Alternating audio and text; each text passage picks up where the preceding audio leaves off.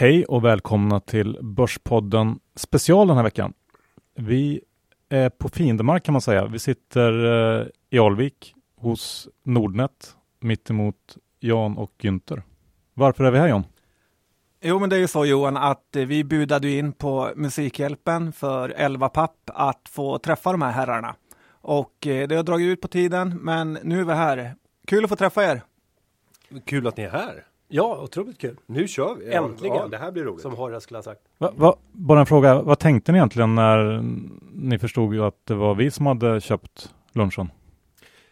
Det, det förstod man ju nästan redan av namnet eh, som var just Börspodden. Eh, och vi såg att det blev en, en budstrid. Det var ganska lugnt där i början. Sen tog det verkligen fart eh, och, och, det var ju tack vare er och ytterligare en kombatant där i budgivningen. Så vi tyckte att det var väldigt roligt när, eh, när det tog fart och det blev väldigt mycket pengar. Vi hade nog inte kunnat tro att det skulle bli 11 000 och tanken var ju liksom fem minuters deltagande i Sparpodden. Vi skulle fråga eh, lyssnar du ofta på Sparpodden? vad, är din, vad, är din, favorit? Ja, men man föreställer sig att det skulle bli någon liten eh, 21-årig eh, kille pluggar ekonomi på Uppsala universitet och som hade drömt om det här i hela sitt liv. Och här, och här sitter vi, eh, 11 000 kronor senare. Eh, men, men, eh, det här ska bli jätteroligt och det är därför som vi gör ett, ett stort avsnitt av det här tycker jag. Ja, men så blev det. Eh, Jan, jag tycker inte att vi behöver prata så mycket mer om det här utan vi kör igång så får vi se vad, vad som händer. Ja, det tycker jag verkligen. Nu kör vi.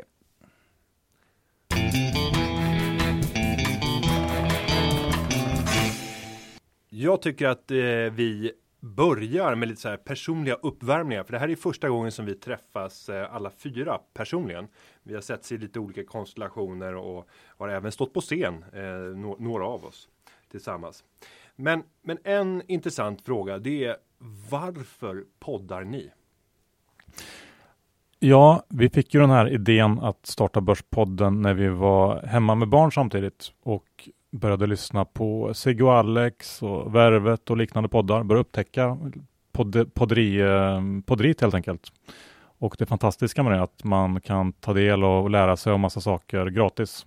Um, och det tyckte jag var häftigt. Och samtidigt så fanns det ju inte någon podd som handlade om börsen eller ekonomi då, i Sverige i alla fall. Så det var eh, startpunkten kan man säga. Ehm, vi testade och tänkte att några kompisar kanske skulle lyssna och ja, det var som en kul grej helt enkelt. Vad var, och vad har man för ambition då? Att, att eh, lära ut eller eh, göra någonting kul bara tillsammans som buddies eller vad, vad var ambitionen? Alltså, jag och Johan pratar ju vansinnigt eh, mycket aktier med varann redan innan det här och eh, tänkte att eh, vi har ju rätt mycket kunskap och får frågor av andra och så. Och det finns inget riktigt bra sätt att föra ut det här budskapet när vi lägger så här mycket tid på börsen så kan vi lika gärna dela med oss av det här. Så att eh, det var väl det vi ville nå ut med. Men ni hade aldrig bloggat tidigare, för det är ju liksom en vanlig väg nu bland aktieintresserade för att dela sina intryck och känslor kring börsen tillsammans med andra. Nej, men jag tror att jag har startat eh, några bloggar genom mina dagar och inte ens skrivit iväg något inlägg innan jag tröttnat på hela idén. För att eh, jag tror det här med podderiet, prata och eh, sen eh, skicka ut det passar oss perfekt. Man ska inte underskatta hur lång tid det tar att skriva saker. Och, och var det, hade båda av er grön signatur på VCV i slutet på 90-talet? Nej, nej. Eh, jag har i alla fall aldrig varit någon eh, börssnackare eller forumskribent av, av eh, någon högre nivå, utan eh, kan vara kul att läsa de här grejerna, men eh, nej, jag har aldrig skrivit aktivt så. Hur hamnade ni i tradingvärlden? Kort bakgrund på båda. Ja, jag har pluggat i Uppsala och eh, efter det så fick jag jobb på Kauting på den eh, gamla goda när islänningarna satsade hejvilt.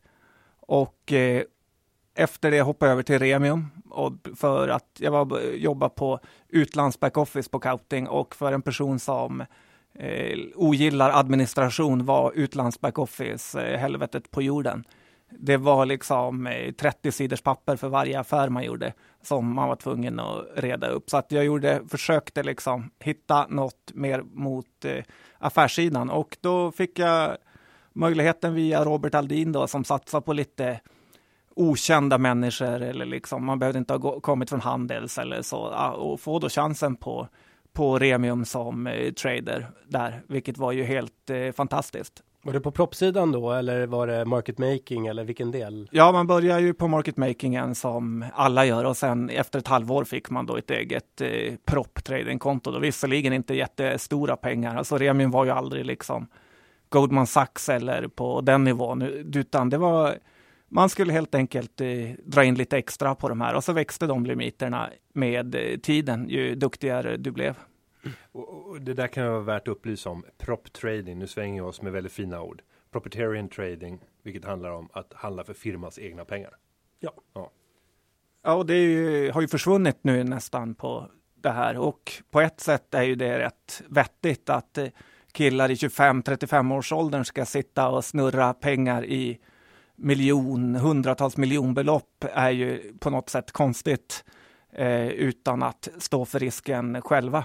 Nu när det flyttat ut mer till daytrader som vi ja, båda är nu.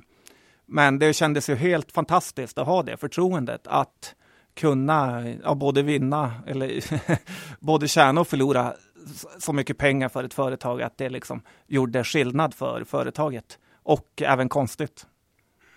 Och, hur länge har ni kört som trader nu?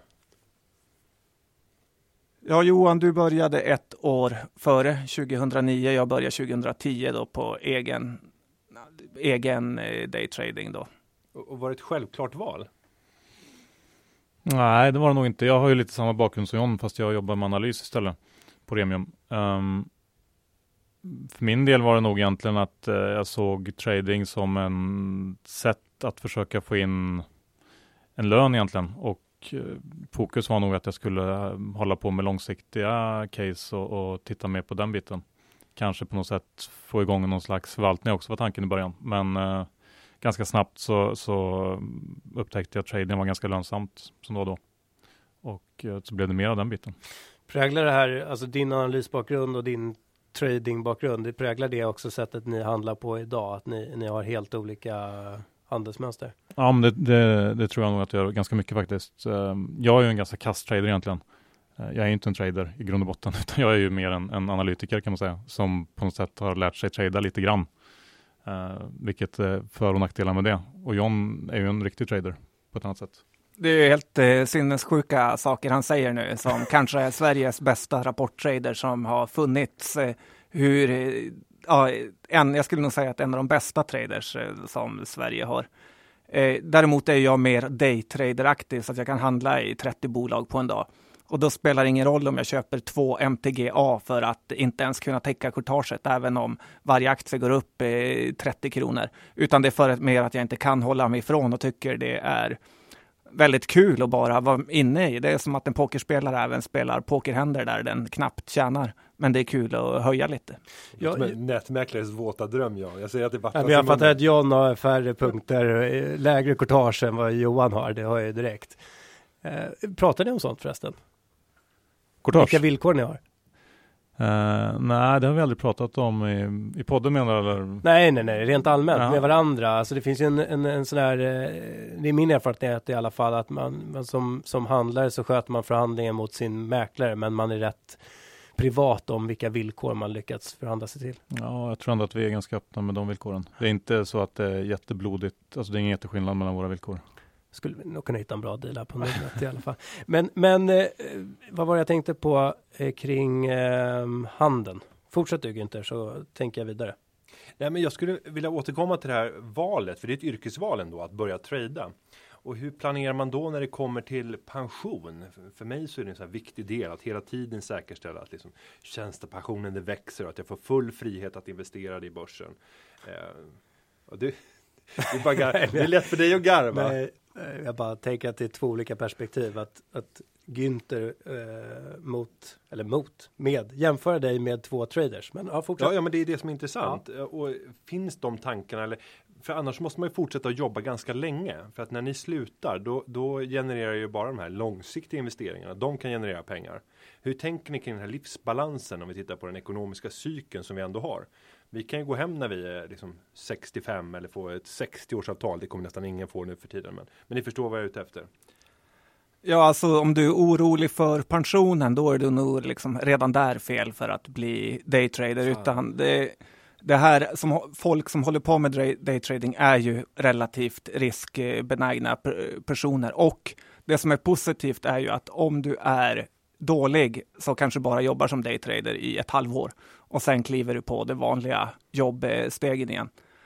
Är du bra så behöver du inte jobba till du är 65, är väl tanken.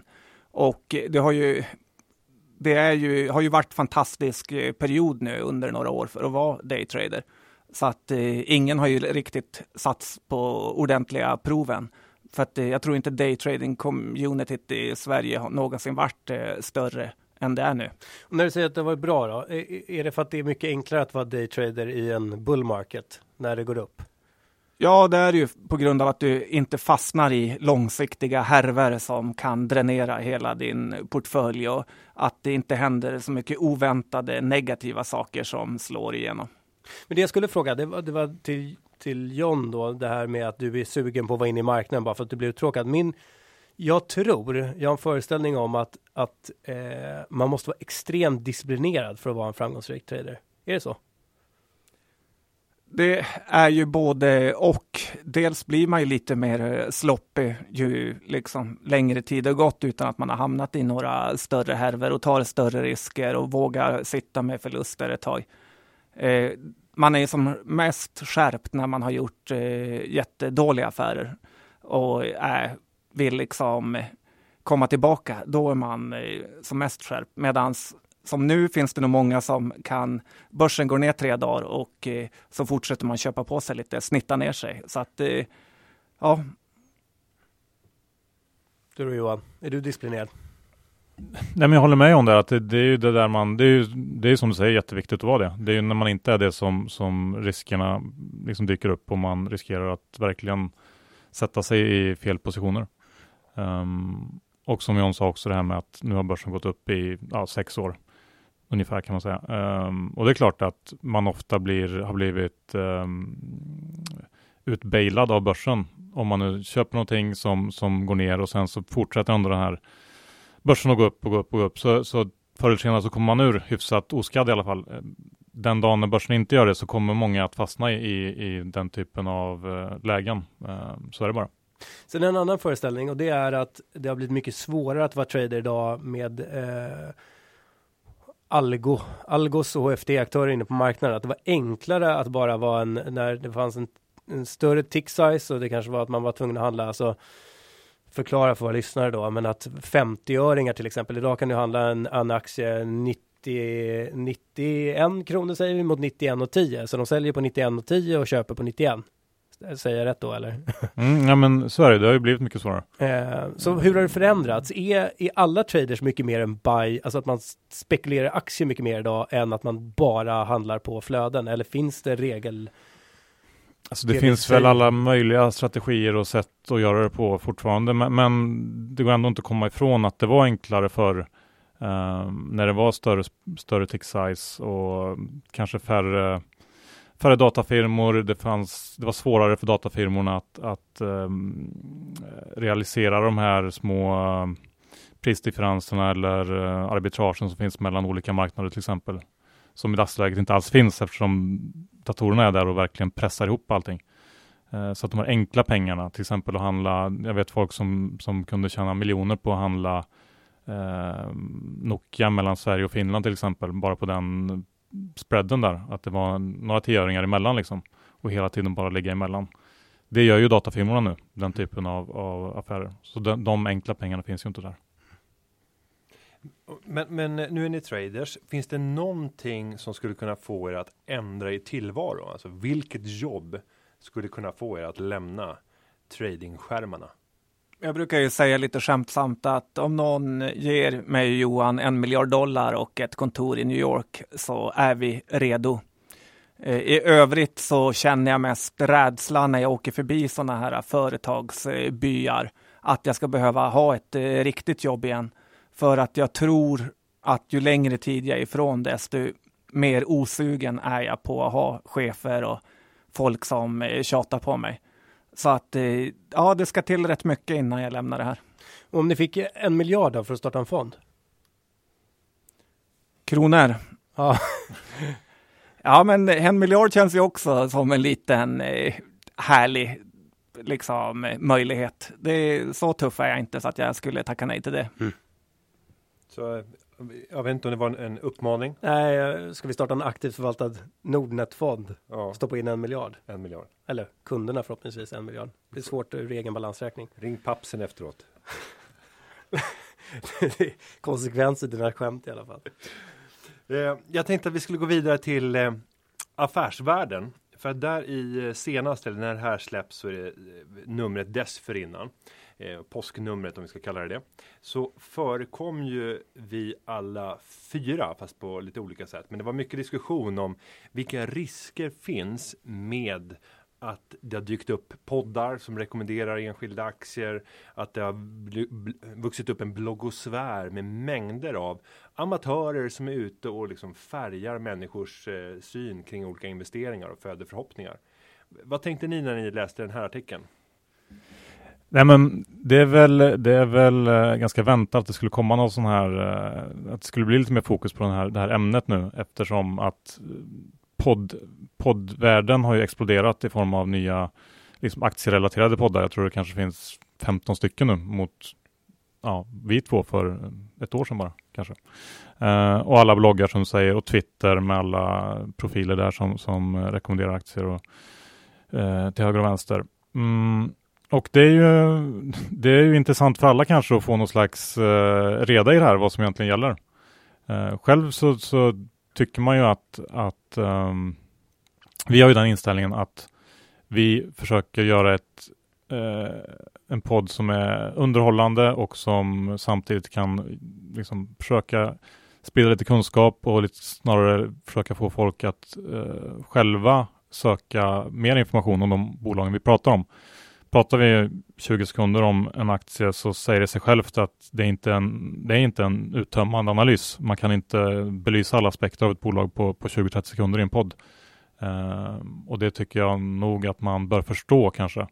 Eh, så att det, det är så vi ser på när vi inom situationstecken rekommenderar aktier i podden.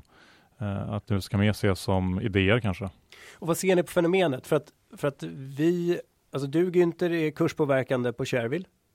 Eh, och ni är kurspåverkande genom er podd. Hur ser ni på fenomenet att det har gått från eh, Tidigare var det ju att Goldman Sachs, det var väl liksom när de släppte en analys så, som var superbull, ja men då kunde aktien sticka och nu är det, nu har det gått från eh, firmerna till eh, privatpersoner, även om firmerna visserligen har kvar sina också.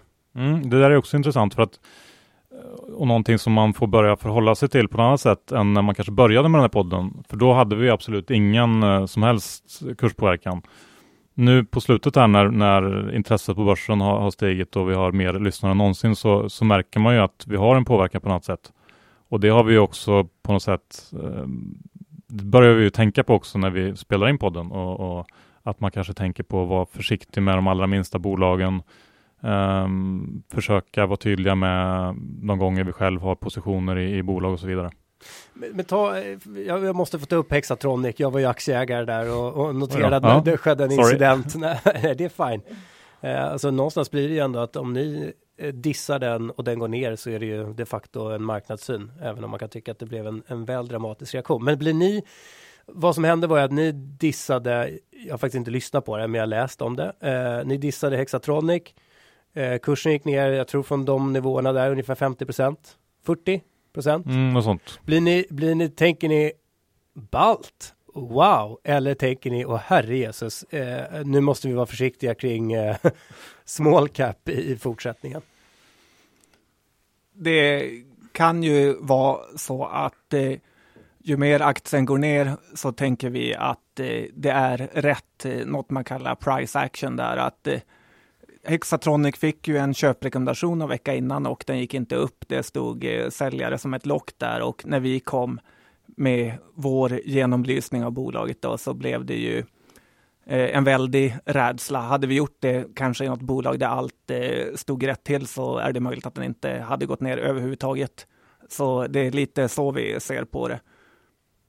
Men, men vi, vi är ju utan tvekan eh, liksom kurspåverkande, det vet vi. Går vi ut i starka ställningstaganden så kommer det att få kursen att röra sig. Eh, och här har vi fått in en, en fråga också från Kristoffer Larsson. Den kopplar lite an till en fråga från Marcus P som vi har fått in från Twitter. Eh, Johan och John ger gärna aktietips men absolut inte Jan och Günther. Motivera er allihopa. Hur tänker ni kring, kring eh, det här faktumet? Att man upplever att ni är väldigt måna om att ge rekommendationer. Alltså Börspodden hade ju haft svårt att ha en podd om vi inte pratade om aktier och antingen gillar man en aktie eller så gillar man den inte och eh, sen får man ju som vi alltid säger göra hemläxan själv. Men eh, jag tror ju att vi har ganska bra koll på bolagen och eh, tipsen vi ger är ju liksom utifrån vår aspekt. Eh, och det, ja. Ja, nej, men som vi var inne på tidigare så, så, så tycker vi att man ska se det som, som tips liksom och som eh, idéer som man kan grotta vidare i själv. Och eh, om man ska gå tillbaks till det här med varför vi började starta podden från början så, så handlar det också om att, att på något sätt eh, berätta om hur, hur vardagen ser ut för en trader och för någon som lever på börsen. Och då blir det ju väldigt innehållslöst om man inte kan uttrycka en åsikt om en aktie. Ehm, Ja, då får vi nog lägga ner den här podden om vi inte kan göra det. Lite så här. Och det är en stor anledning till varför den är så uppskattad, för att det är direkta rekommendationer. Ja, sen vill ju folk ha det. Alltså, och folk vill ju gärna kanske slippa att läsa på själva tyvärr. Och det är väl också någonting som gör att vi hela tiden på något sätt uppre- återupprepar det här att man ska läsa på själv. Hur gör det, innebär det att ni tror på aktiv förvaltning? Att det finns eh, liksom vissa förvaltare, ett fåtal som har förutsättningar att eh, prestera bättre än index över tid? Jag är ju jättetroende på aktiv eh, förvaltning, definitivt. Och eh, Warren Buffett brukar ju säga det att eh, om man tävlar mot folk som inte ens försöker så har man en ganska stor chans att vinna. Och det är så jag ser på det. Samtidigt som vi båda är medvetna om att mm, våra kunder och eh, även våra konkurrenters kunder skulle gynnas av att ligga i passiv förvaltning för att eh, även om det finns några som skulle kunna vara bättre så är det så att många underpresterar. Men det är väl det här klassiska att man, man köper eh, skitbolag som har gått ner och sen så har man en tendens att sälja vinnarbolag som är en positiv trend. Ja, men vad liksom gäller privatpersoner så tror jag att många Avanza och Nordnet-kunder framförallt de yngre har sitt konto lite som ett eh, Betsson-konto. Att, eh, och det har jag själv gjort när man pluggar. Man stoppar in 20 000 och så körde man hej vilt med dem och så var de borta. Och sen sommarjobbar man så stoppar man in eh, lite nya. Och eh, det är både bra och dåligt för långsiktigt kan det vara extremt bra att eh, bränna sig med väldigt lite pengar och sen lära sig att ta investera i de fina bolagen. Så att jag ser inte helt negativt på att man lär sig spekulera och späcka bort pengar när man är ung. Du, du rör inte, ja. Men våra, våran inställning till rekommendationer, den är ju annorlunda. Ja. Vi, vi har inte speciellt mycket rena aktierekommendationer. Nej. Eh, vill du berätta om vårt tänk? Eh, jag kan berätta om mitt tänk. Mm. Så är det att vi, till skillnad från John och Johan, är ju anställda av en eh, bank. Eh, så att det blir ju väldigt svårt att, att särskilja på om det är vi som privatpersoner som är avsändare av en rekommendation eller om det är Nordnet Bank som är avsändare av en rekommendation. Så vi är väldigt måna om att det inte ska vara investeringsrekommendationer för då lyder vi under ett regelverk. Så att eh, vi skulle, och det gör vi ju, alltså vi ja, nu kanske Frank the Tank som vi pratade om i förra avsnittet, vår chefsjurist, inte blir helt, eh, helt glad när vi säger det här. Men vi vill ju ha spets i vårt innehåll, men samtidigt så är det väldigt viktigt att vi säger att det inte är Nordnets officiella åsikt.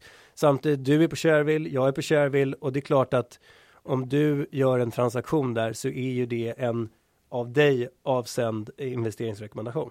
Ja, ja, på ett sätt så kan det bli ännu tyngre. Nu redovisar vi privata portföljerna och redovisar man då exakt vilka affärer man gör så borde det egentligen vara tyngre än en faktisk rekommendation som man säger, kanske under 20 sekunder. Eh, men där klarar man sig ju rent regelmässigt för att att jag redovisar mina privata innehav. Det är inte förbjudet, men jag får däremot inte ge rekommendationer eh, för att vi har inte den typen av rådgivning på banken. Och sen ska vi väl ärligt säga också eh, att nu kanske du mer än jag, men jag lägger ju inte så mycket tid, så jag är ju väldigt, väldigt nervös inför varje liten investeringsrekommendation som jag då eventuellt skulle göra. Eh, just för att jag, jag, jag, jag, ligger i sängen, jag har ett 9-5 jobb och sen så ligger jag i sängen eventuellt vid när barnen sover och, och kollar igenom en resultaträkning och baserar. Jag upplever att, att har man det här som sin fulla sysselsättning så har man förutsättningar att ge bättre rekommendationer. Jag kommer ihåg att eh, pratat om eh, BTS i vår podd och eh, det är ingen som har gillat den aktien riktigt och jag har legat lång den själv. Och sen en dag gick den upp eh, 7 och då eh, började jag söka information. Varför? Och då eh, kom svaret, är det Günther som säger köp på Nordnet Live? Så eh, då tänkte jag, de har impact, inte vi. Nej, men hur, hur, ser ni på det här då? Med, med, om vi ska gå tillbaka till den här artikeln i Affärsvärlden med eh, marknadspåverkan och hur man ska liksom förhålla sig till det? Nej, men det, det, är problematiskt, för går vi tillbaka till motsvarande era, då får vi titta på 98-99 för att uppleva en sån hås och så mycket nya okunniga sparare som tar sig till marknaden. Och just under de tillfällena, det är då det föds en enorm marknad för eh, förståsigpåare och allmänna amatörer. Det blir lite allmänhetens åkning över det hela. Eh, och det är klart att det här kommer ju sluta med att många hoppar i helt galen tunna på grund av att man litar blint på andras rekommendationer. Ta till exempel Vardia som varit uppe till eh, som en bloggfavorit hos, hos flera inom bloggosfären. Eh, men det är få som kanske har genomlyst riskerna. Jag har aldrig investerat i det bolaget för att jag har inte riktigt fullt förstått potentialen eller skönheten som visade sig vara en, en förskräckelse. Men vi såg ju hur antalet ägare hos Nordnet bara exploderade. Så att nog har många där ute en stor impact och, och, inte minst vi fyra som sitter här. Och då måste man förhålla sig med en väldig ödmjukhet inför det. Jag kompenserar det genom långsiktighet så att mitt genomsnittliga innehav ligger väl på två år. Um, men där blir det en utmaning om man är daytrader. Mm. Uh, å andra sidan så handlar man kanske inte på de mönstren så att det skulle, alltså det, ni kanske inne så korta stunder att det skulle ändå inte spela någon roll. Um, men hur, hur hanterar ni den? den? Eh, jag vill bara svara på frågan också. Gör det. Innan du kör en fältfråga. Nej men eh, en, en stor del, den handlade ju om mer podd, eh, inte Sparpodden har jag för mig. Och sen så handlade den om Shareville och alltså jag har ju lagt ner om vi tar en multipel 10 på, eller en multipel 30 på Shareville i förhållande till vad jag lägger på Sparpodden. I det att vi har investerat både förvärvat ett, eh, ett gäng entreprenörer eh, men också extremt mycket intern IT-tid för att, för att verkställa Shareville. Så att jag, jag tycker den, den artikeln speglade väl vad vi försöker åstadkomma. Att, att liksom, vi har 45 000 kunder, många av dem är rätt ointressant att följa, men när kollektivet blir publikt så kommer det vara en del stjärnor i det här kollektivet.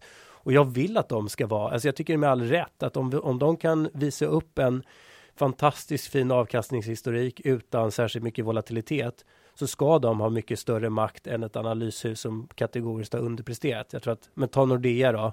Nordea-fonden där man säger att 8 av 10 aktivt förvaltade fonder har, har, har, har underpresterat mot index.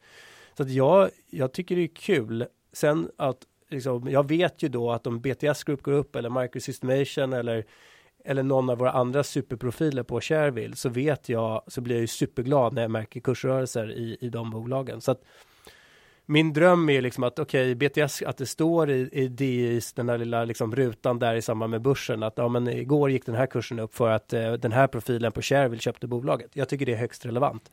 Eh, på samma sätt som de borde hänvisa till liksom Hexatronic föll 40% efter en, en diss i, i eh, mm, mm. Jag vet inte om de har gjort det. Har de hänvisat till det i uh, Alltså gammelmedia, media, eh, de är ute efter oss. ja, men nej, nej men de gillar inte, det... alltså de känner sig lite hotade, tror jag man kan säga ändå. Så att de refererar uh, aldrig till er? Nej, oftast inte. Och aldrig till oss heller? Nej. nej. För gammelmedia har ju också lite i att tänka på när de ger sina rekommendationer.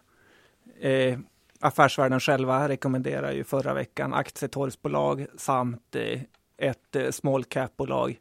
Dagens Industri idag hade ju Profilgruppen som är 200 miljoners bolag.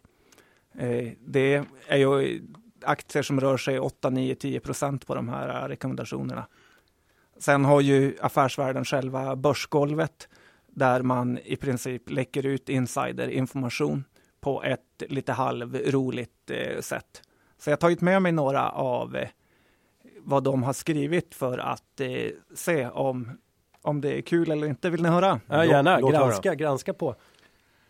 Nyemission i SSAB kommer när som helst. säger en nykemad Brioni Vankish som givetvis är kort. Vad säger ni om den? Ja, jag, jag har för dålig insyn i SSAB för att kunna uttrycka någon, någon form av kvalificerad uppfattning. Vad säger ni själva? Jag har liksom inte heller riktigt någon åsikt om själva om det skulle vara, vara rimligt att säga att de ska göra en nyemission. Men, men det är ju ändå intressant eh, själva fenomenet att man har den här lilla skvallerspalten eh, Eh, som eh, jag ändå tycker känns hyfsat välinformerad. Ibland så stämmer det ganska bra. Sen är det såklart att mycket av det som står här stämmer inte. Här, mycket av det som står här eh, stämmer inte, men, men ehm, det är ändå en, en intressant företeelse när man pratar om det här med, med vad, som man, vad man får prata slash skriva om eller inte. Vi kan ta en till va? Eh, och en Glühwein framför brasan på hotell Syrershof tipsar om att det snart är dags för ett nytt bud på Note. Kommentar om budet på Note? Det har inte kommit ett bud då? Nej. Men Hagström var väl inne och ville köpa upp skiten för, för några år sedan. På 9 kronor när den stod i 6,50 eller om det var 10 kronor eller någonting och sen har det gått ner. Så det verkar väl sannolikt. Ja, det är väl inte Jag tankar. Vad säger du då? Ja, det var väl Creades du pratade om. Ja, det ja, just det. Eh, nej, men jag tycker det är lite lustigt. Och eh, slutligen viskar en nyrenoverad vinkällare att Investor snart cashar in i Sobi. Det är ju väldigt eh, klar information de kommer med här. Så man kanske inte bara ska ge sig på börspoddarna och eh, sparpoddarna och sharevillarna och eh, bloggarna. Men tyckte ni att artikeln var så kritisk? Jag tyckte den var mer så här, det här fenomenet och det finns faror med det. Men eh, upplevde ni den att de ville försvara sin egen position?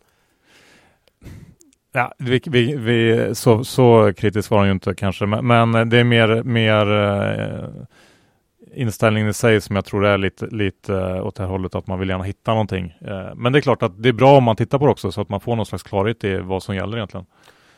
Eh, tycker jag. Insiderinformation är ett väldigt intressant tema.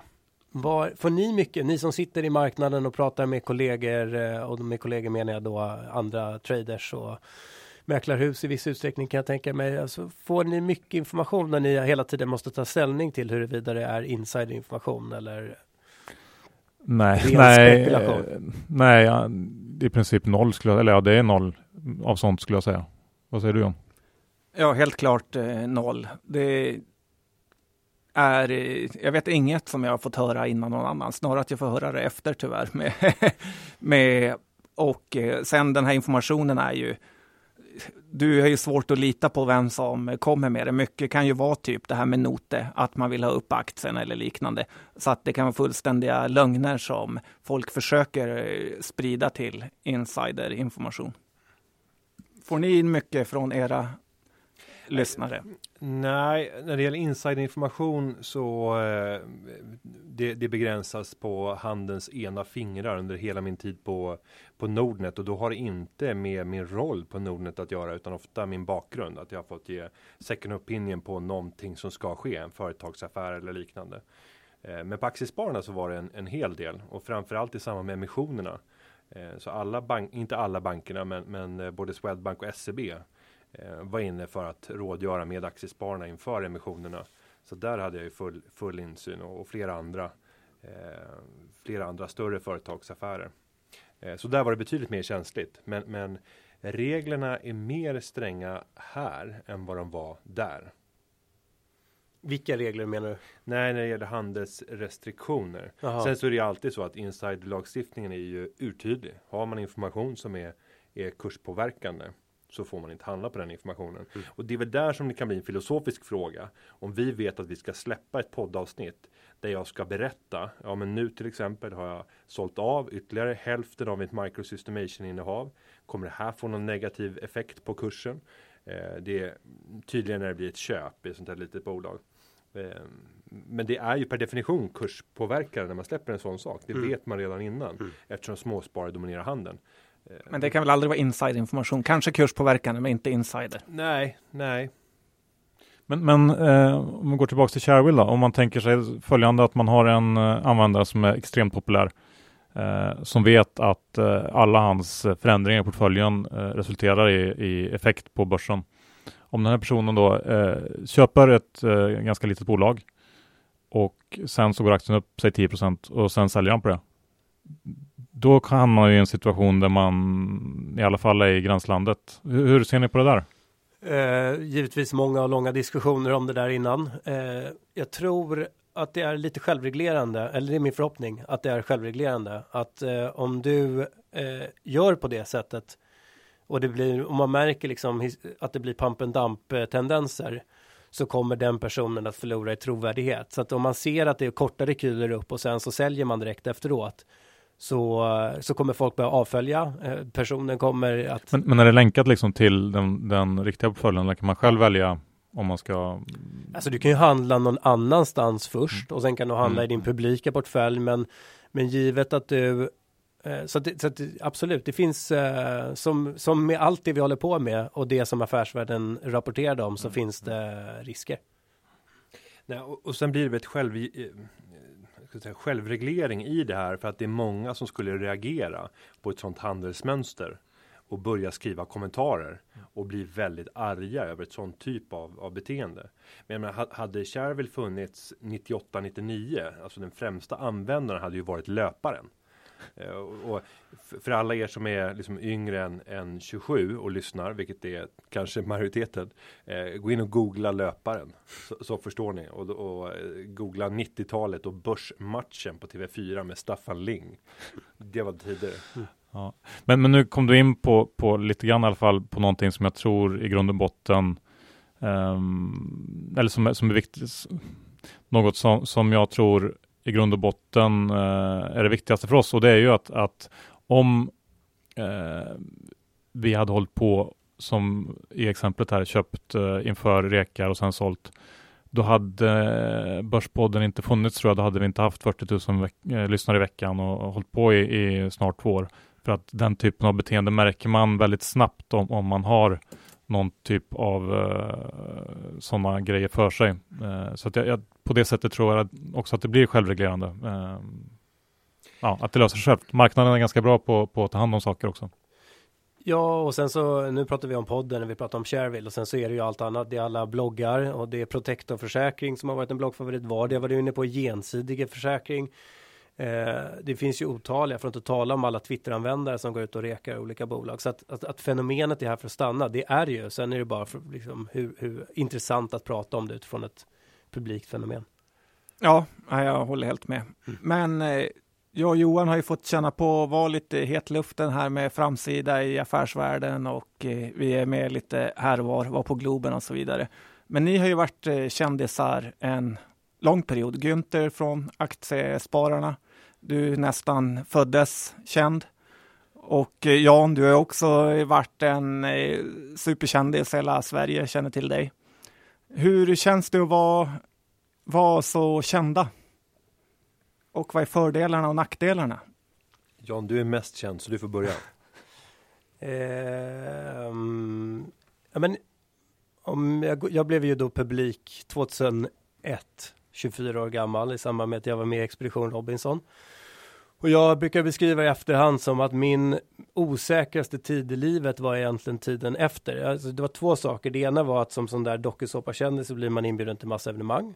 Och då pratade jag, jag tror vi har pratat om det i Sparpodden, men då sa väl min pappa då inför att jag var med, sa han att det var ett, det var ett val efter eh, liksom, vill du för evigt bli associerad med att vara dokusåpakändis eller vill du liksom tvätta bort den stämpeln efteråt genom att inte tacka ja till de här olika aktiviteterna? Så jag tackade ju kategoriskt nej till Liksom, eh, jag tror Brinkenstierna är väl en legend i den här dokusåpavärlden som blir agent till alla de här eh, människorna. Eh, och det var någon som ringde och frågade så här, vill du jobba? Ja, Hej, jag måste ringa det här samtalet trots att jag inte vill ringa det här samtalet. Men jag undrar eh, om du vill vara bartender typ i Bollnäs eller sånt där. Och jag tänker att du inte vill det.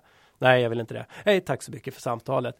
Så det var mycket sådana där liksom biopremiärer, kändisfester och jag tackade kategoriskt nej till allt. Men då var jag väldigt osäker efteråt. För att från att ha varit en anonym kille på Stockholms universitet så gick jag in på seminarier och föreläsningssalar och helt plötsligt så kände jag att varenda gång jag skulle räcka upp handen och prata om nationalekonomi så var det inte bara okej, okay, vad tycker den där killen, utan vad tycker eh, dokusåpa-kändisen. Så att det var en rätt jobbig period, eh, halvår, år efteråt. Sen så var jag ju anonym, eller det var jag ju inte för att det där lever ju liksom än kvar idag. Det är därför ni frågar om det. Eh, men jag tycker ändå, sen så var jag ju, om vi säger att jag var borta från rampljuset under fem, sju år någonting.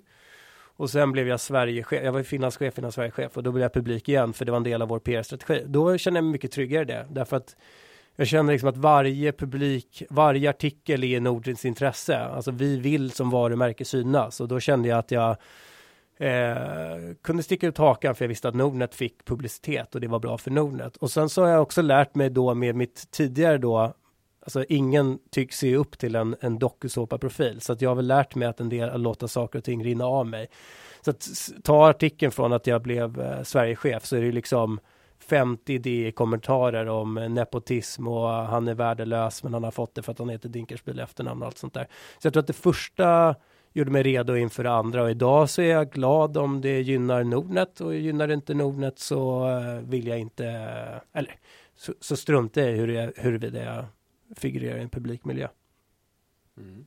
Ja, och, för, och för mig eh, är det mer tacksamt eftersom jag inte blev dock såpa kändis. Hade jag blivit det och blivit bjudna på gratisfester, då vet ni att jag hade försökt släppa med halva släkten på den där också.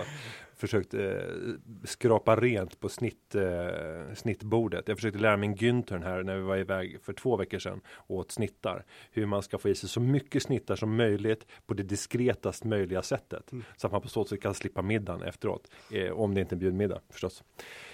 Men, men för mig så var det ju en, en annan sak. Jag var 26 år och blev vd för Aktiespararna och, och, och blev publik och det blev jag var väl väldigt stridbar och det var väl lite grann på grund av, av eh, alltså, brist på ja, insikt och eh, eh, så att säga att livet kommer vara ganska länge. Så att jag, jag gick ut till ganska hårt angrepp så fort jag såg en orättvisa. Många hade nog varit lite mer nyanserade och funderat, men är det här verkligen så viktigt att ta strid över? Spelar det så stor roll att eh, eh ja, Peter Fredell heter han väl på Seamless. Jag var i strid med honom och anklagade honom eh, för att han hade fått köpa ut eh, optioner som han hade gett till personalen. Han visste att eh, personalen skulle inte ha råd att köpa de där optionerna och det var ju utvecklare som oftast inte kom från Sverige. Eh, och de kunde inte läsa villkoren förmodligen och sen visste han att eh, om jag bara får till en klausul att vd får köpa eh, de överblivna optionerna med en viss reservation får jag säga här. Det kan ha varit formulerat på ett annat sätt. Men gick det ganska hårt angrepp mot, mot honom som ett exempel och det är bara en av kanske hundra olika exempel. Eh, och skulle jag haft samma roll idag så hade jag nog haft lite mer nyans i det. Du är äldre. Jag har börjat fundera över hur viktigt är det här? Hur viktigt är det där lilla bolaget Seamless år 2010 eller vad det kan ha varit? Eh, och då kanske hade fallit i, i betydelse. Ehm, men, men eh, i, i början, då är man alltid väldigt intresserad av att se vad blir kommentarerna. Då blir man väldigt nedslående, nedslå, eh, nedslagen när man läser i kommentarsfälten. Sen eh, kommer man över en, en, gräns, tycker jag i alla fall, där man struntar blankt i det, inte ens tittar på det, kanske inte ens läser artikeln för att du vet vad som står i artikeln eftersom du har varit med och skapat den. Ibland vill man göra det bara för att kolla journalister att man har blivit refererad på ett korrekt sätt. Eh, däremot tv, för där är det alltid rena, rena rama liksom lotteriet. Vilket citat av den här intervjun, Uppdrag granskning här för två veckor sedan tror jag, Northland Resources Intervjun tog 50 minuter att genomföra och de klippte ner till två citat. Och då är det ju verkligen bingo. Vad tänker de plocka här? Mm. Och det var särskilt en del som de ville att jag skulle ta om och se ännu allvarligare ut. och det var när de ställde frågan, vilket ansvar har ni på Nordnet för att så många nya sparare gick in i det här? Och så fick jag upprepa då, ja egentligen så skulle man ju kunna säga att eh, varningslamporna borde ha blinkat och att vi borde ha agerat utifrån det. Men det är inte vår affärsmodell. Vi har inte investeringsrådgivning. Eh, men jag var helt säker på att den skulle komma för han ville verkligen regissera den här och säga att ja, men det är klart vi har ett ansvar. Men skulle ditt eh, kändisskap då ha förändrats? Jag tycker att Nordnet har lightat upp dig från den där arga lådenrocksprofilen eh, som heter Günther och ser helt liksom, överjävlig ut. Mm. till, till en lättsam, skön eh, 33-åring, 34. Ja, alltså om man skulle ta den här frågan som man ibland testar på partiledare. Vem skulle du helst gå på kräftskiva med? Den kommer alltid här augusti. Och sen så blir det alltid Göran Hägglund som är, är bästa partiledare för kräftfesten. Jag tror att jag skulle, om jag mäter nu de senaste åren, har stigit i den rangen. Mm. Skönare att ta med på kräftskiva. Ingen hade velat ha med Günther. Fast å andra sidan så har jag odlat mycket mer av gratis Günther under de här åren. Eh, vilket också är en ut varandra lite grann, faktor ja. just på kräftskivor. Och ni då? Ni är nyblivna kändisar. Hur märker ni av det och eh, liksom när folk får höra att ni är John och Johan i Börspodden, hur förhåller ni er till det? Alltså jag värjer mig fortfarande. Eh, jag skulle inte påstå att vi är kändisar. Eh, Det är klart att nå- i sådana här aktiesammanhang så kan man ju bli igenkänd då och då. Eh, Och som tur är så eh, är det ju framförallt rösterna som folk känner igen. Så att man blir ju inte sådär jätteigenkänd eh, ansiktsmässigt eller på utseendet. Eh, Men i övrigt så tycker jag inte att det märks sådär jättemycket faktiskt. Eh, Om man inte är på liksom, Avanza Forum på Globen. Nej, och ibland när vi är kring eh, Stureplan så får vi lite ryggdunkar och så har hänt några gånger och det är ganska kul. Men, men vi har... Nej, nej. Nej, nej, nej. Jag vill veta i ert community då, för det är ett väldigt litet community, trader-communityt. Hur, hur förhåller man sig till ert nyblivna kändisskap där? Det tror jag inte är någon eh, skillnad, utan det är ju folk är lite kända och okända för alla möjliga saker där och eh, ja, Börspodden är ju som en kul grej, men eh, vi har ju det fortfarande som ett hobbyprojekt, ungefär som ni har Sparpodden. Att det är jättekul att det går bra, men det är ju fortfarande vår trading som vi lägger ner eh, mest tid på och som är vår inkomst. Vi tar inte ut några pengar från eh, Börspodden. Du och John, håller du med? Ja, ja, ja det tror jag. Um, vad, vad, vad var frågan? Nej men hur, hur i just communityt, jag tar mitt umgänge då när jag valde att vara med i en dokusåpa 24 år gammal, växte upp eh, i innerstan. Så tyckte nog en del av mina vänner att fy fan vad ballt att han vågade göra det där trots eh, hur folk ser på det. Och andra tyckte nog vilken pajas som är med på det där. Och jag kan tänka mig att en del i trader community tänker varför ska de hålla på och söka den där publiciteten och, Jo men det är klart, så, så, och andra tycker att fy fasen var kul. men sånt säger ju folk inte till en eh, rakt ut såklart, så är det ju alltid. Eh, och det är, så här, det är ju lätt att skriva saker när man sitter framför datorn, på, datorn och skriva på forum och sådana saker, men, men i och för sig så tycker jag att det är liksom nästan konstigt lite sånt också. Det är, vi får väldigt lite sådana här negativa, det är ju såklart om vi är negativa mot något, något bolag, så, så är det ofta folk som, det är då folk blir som mest negativa eller arga. Typ när vi har pratat om Cassandra eller ja, sådana här sektbolag. Ett, tips där, Eh. pröva att såga Sino Agro Foods. Och se vad som upp det. händer. Ja. det, det är en sån där eh, att leva upplevelse. Men, men eh, så att man märker ju inte av det på det sättet tycker jag så mycket. Um, det som märks kanske lite grann är väl att i början var, när vi var liksom lite mer indie eller underground på något sätt, helt eh, nästan inga som lyssnade på oss, så kändes det som att, att, uh, att de här mer in, folk som man känner som är traders eller som kanske är i kretsen runt om man känner var lite mer eh, positiva sådär och att i takt med att man blir större och mer etablerad på något sätt så, så ja, så tycker de här kanske mer hardcore trading eh, folket kanske inte är lika imponerade på något sätt längre. Missunnsamhet är det du beskriver. Det kanske kallas det, jag vet inte. Men eh, Jan gick ut tidigare idag. Det här är tisdag när vi spelar in det och eh, Börspodden gick också ut från sitt konto och bad om frågor till det här avsnittet. Och eh, tiden rusar så jag tycker att vi försöker hålla högt tempo när det gäller avhandlingen av frågor. Och då är det Disco Trader på Twitter som eh, skriver FX utropstecken. Vad anser ni om FX trading? Bra eller anus? Ja, det är valutahandel han menar då. Och då säger jag anus. Främst för att det, det är nästan omöjligt att förutspå aktier, hur de rör sig och valutor är totalt omöjligt. Dessutom måste du ta i med en sån enorm hävstång för att få någon avkastning. Att eh, när du har fel kommer det kosta ofattbart mycket. Så gör något annat än det. John, sa, eh, Johan, samma inställning? Ja, jag, jag, jag har aldrig prövat eh, valutahandel på det sättet så jag, jag kan liksom inte bidra med så mycket där och jag håller nog med. Jag, jag kommer inte börja med det i alla fall. Du Günther? Eh, nej men det beror ju på Ibland så gör jag ju investeringar på andra marknader för att jag har en syn om att svenska kronan kommer inte kunna stå sig i värde. Och det blir ju en, en form av valutaspekulation, men det är, det är, verkligen inte FX trading. Det är inte det det handlar om, utan snarare om att man har en syn om att sprida riskerna. Det är bra att få någon annan valuta och, och få en, en, bättre exponering mot, mot flera faktorer i portföljen för att på så sätt balansera risker. Eh, men ren valutatrading, aldrig. Men du har ju gjort det. Du har ju varit, du har ju varit valutatrader. jag har gjort det mesta. Jag har i Chaparralsväggar. Ja, men, men det, var ju, det, det, var väl korrekt? Du, du gick lång US-dollarn här för ett år sedan. Ja. ja men jag har gjort några sådana här gånger tre grejer och uh, tror att så här, nej, men uh, USA är tidigare än cykeln och nu tror man att förlorar sin AAA-rating och då tror alla att USA är, liksom, kommer att dö för all framtid och jag tror att USA återigen kommer att komma tillbaka. Så då tror jag att nej, dollarn kommer inte stå i 6 spänn. Det är mer sannolikt att den står i 8 spänn och står en position. Men som minst erfaren i, i tradingperspektiv här i rummet så, så lägger jag upp en varningslampa för våra lyssnare att börja hålla på med den typen av spekulation. Och när jag gör det är det de facto spekulation.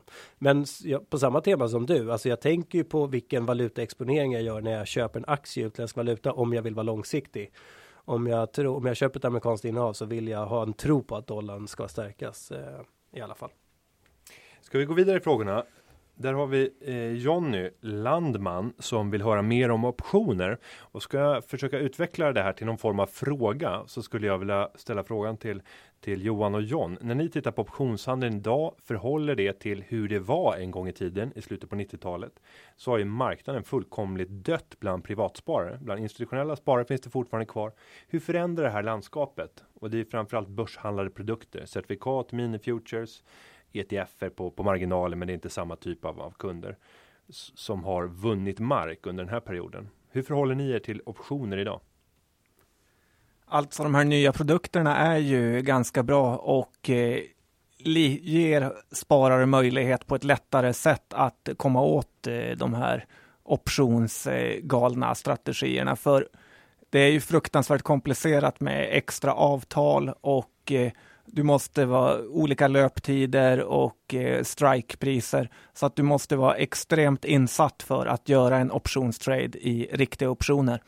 Eh, och gör du fel så kan du förlora mer än du har satsat jämfört med att köpa eh, produkten eller certifikaten som en liten spekulation. Så för privatsparare så tycker jag lite att man kan avstå från optioner. Även om Johan är allt eh, som oftast i någon optionstrade. Eh, Hur handlar du med optioner? Nej, men jag tycker det kan vara kul ibland att ta eh, ofta kanske framförallt inför eh, rapporter som jag har någon slags åsikt om så tycker jag att det är ett kul sätt att ta en liten position inför eh, och då vet jag liksom en begränsad nedsida eh, och ganska bra uppsida så kan man liksom ja, göra lite roliga bett. Men det är ju ingenting som jag bettar eh, hus och hem på utan det är ju för små pengar egentligen. Så att jag är ingen stor optionshandlare heller. John har ju sagt att du är Sveriges bästa rapporttrader. Ja, det får stå för honom. Ja, men hur tänker du då? Hur gör du?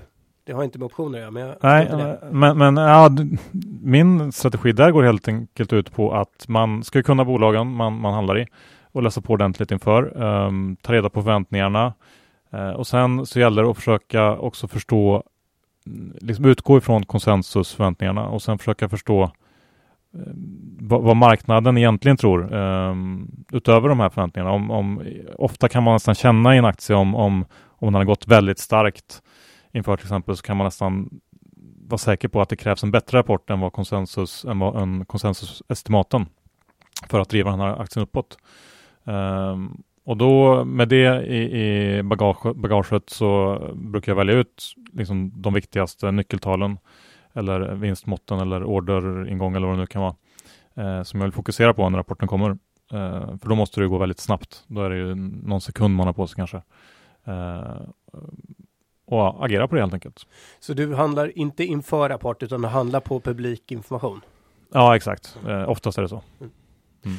Handlar det om att förstå bolagen, att förstå eh, dimensioner i resultaträkningen som du tror att analytikerna missar? Att valutapåverkan som är underskattad eller ja, svårt att komma på vad det skulle kunna ja. vara för faktorer. jag vet inte om, men framförallt kanske det är väl här min liksom analys, analytikerbakgrund kommer in och varför jag känner att det här är någonting som, det har funkat bra för mig genom åren att handla rapporter.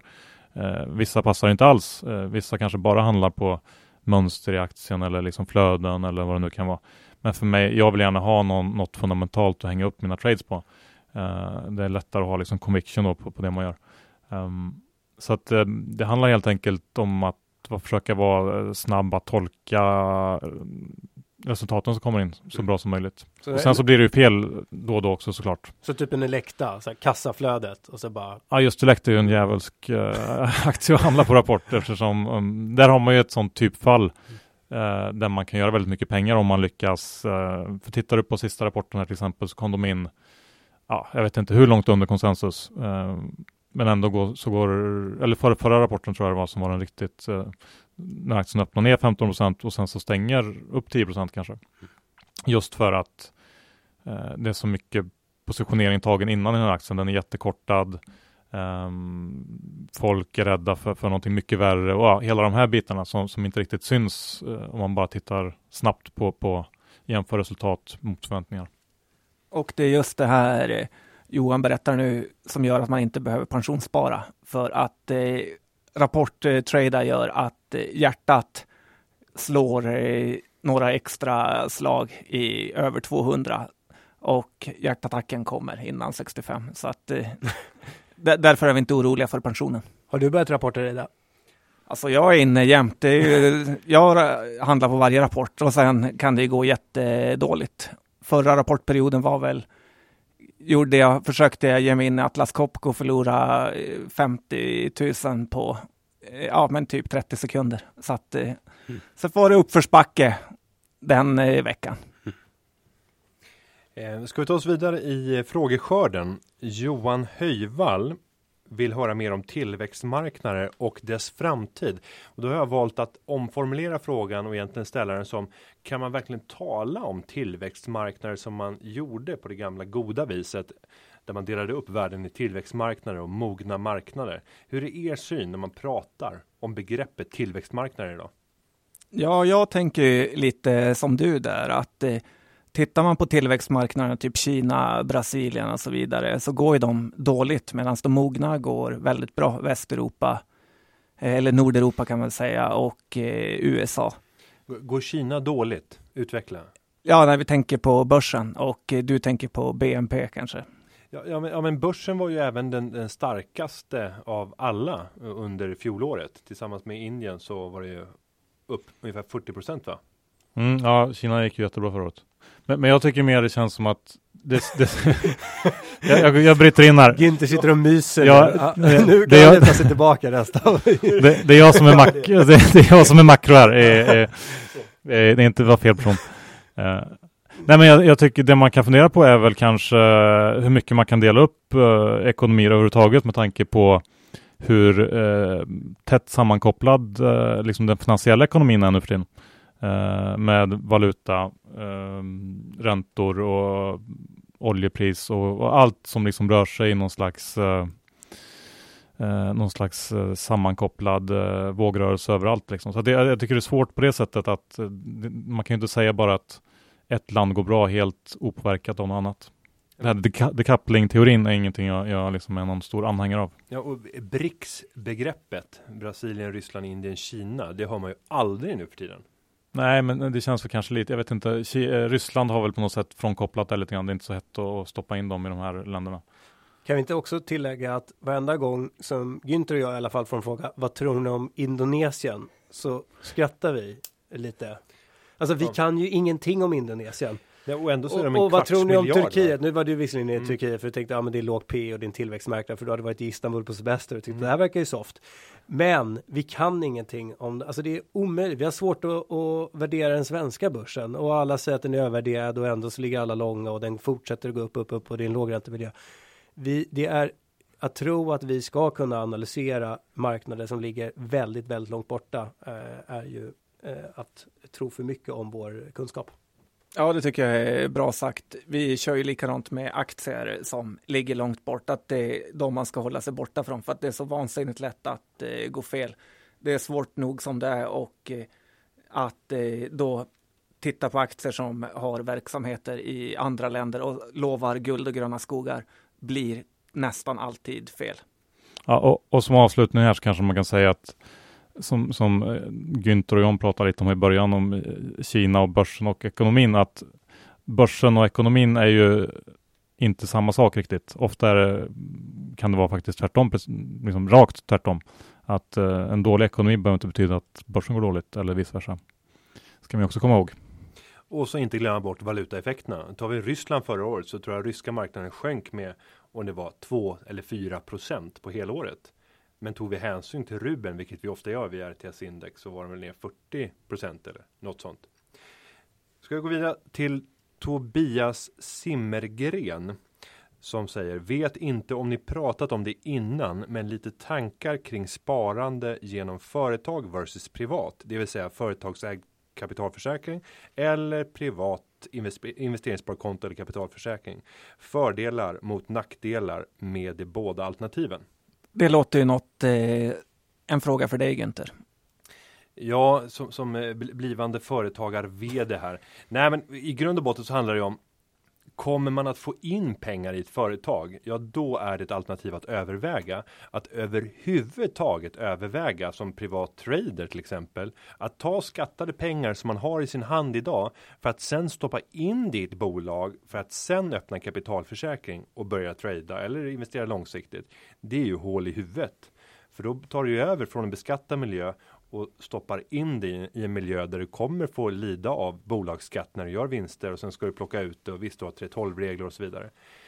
Så att det enda som, de enda som det kan vara aktuellt för, det är de som faktiskt har ett inflöde av pengar i ett företag och sitter med en kassa. Då kan det vara lysande att investera det om man ändå hade tänkt att investera privat. Så ett normalt företag med befintlig verksamhet och bra kassaflöde och bra kassa. Där kan det vara fördelaktigt. Om du är en privatperson så ska du inte stoppa upp någon konstig skattestruktur. Nej, nu ska du företagsmiljö. Nu ska du börja köra firma. Om det skulle börja flyga och det blir eh, miljoner som ligger och skvalpar på kontot. Mm Eh, då hade du kunnat tänka, ska jag plocka ut de här som är utdelning och därmed beskatta dem och utnyttja förmånliga regler för, för det? Eller ska jag avvakta, för du hade kanske ändå tänkt att investera pengarna. Då kanske det är bättre att starta en företagsägd kapitalförsäkring och faktiskt göra tradesen där. För att på så sätt kunna plocka ut högre pengar eller större pengar i framtiden.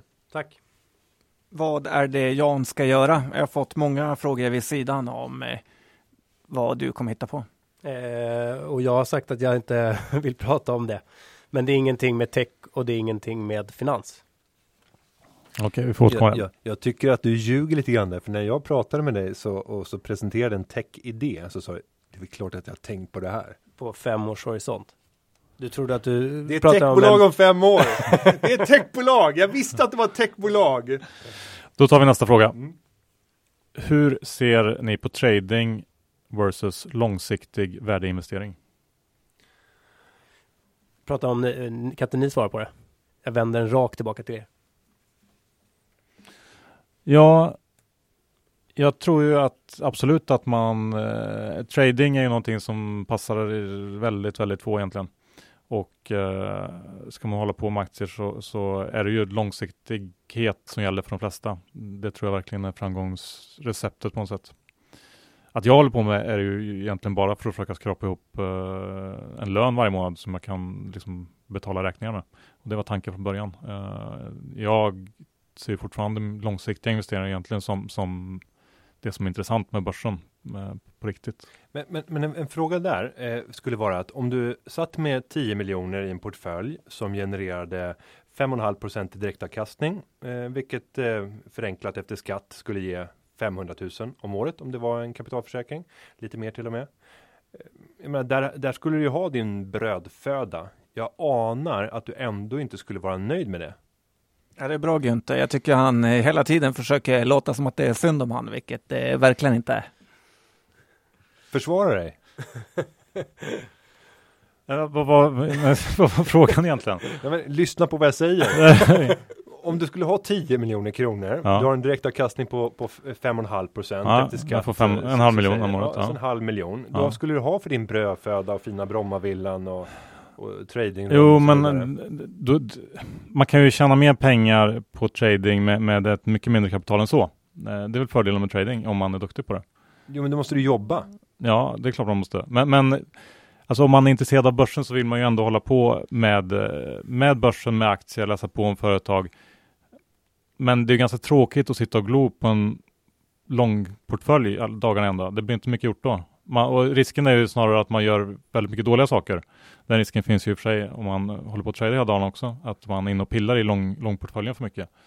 Men, men um, ja, det är väl på något sätt uh, svaret på frågan kanske. Och du då Günther, om, om det går till helvete på företagarna och det börjar bli massa internkonflikter och då folk börjar underminera dig och du märker att nej men du är inte riktigt den vi trodde att du var och så vidare och så vidare. Och så, så från lokalföreningarna så har man avsatt dig om sex månader. Mm. eh, tror du att du skulle vara en bättre, tror du att du skulle kunna ha bättre avkastning som trader? Du är ju rätt hyfsat hög tilltro till din egen förmåga. Mm. Eller tror du att du gör bättre som värdeinvesterare över tid? Nej, jag, jag har faktiskt prövat på lite livet som, som trader och bara suttit och handlat index. Det gjorde jag mellan jobben. Innan jag började på Nordnet så satt jag faktiskt och gjorde det. Eh, och det visar sig att eh, det går inte alls speciellt bra. Det funkar skitbra i typ nio fall av tio så har jag rätt. Och då känner jag, och då skalar jag inte upp det så mycket utan körde ofta bara med två eller tre gånger hävstång. Eh, och då kunde man tjäna liksom 0,6-0,8 procent och bara handla på intradagsrörelser. Vi pratar om affärer på ungefär en halvtimme upp till två timmar. Men sen kom the one, en av tio, där man åkte på så jävla mycket däng. så det fanns ju ingenting som försvarade den typen av, av handel. Och jag har så otroligt dålig självdisciplin. Kanske på grund av den överskattningen. Jag vet att det vänder. Jag vet att det vänder. Men det här är jag intresserad av. När du sitter och handlar index med hävstång över dagen. hur ser din analys ut då?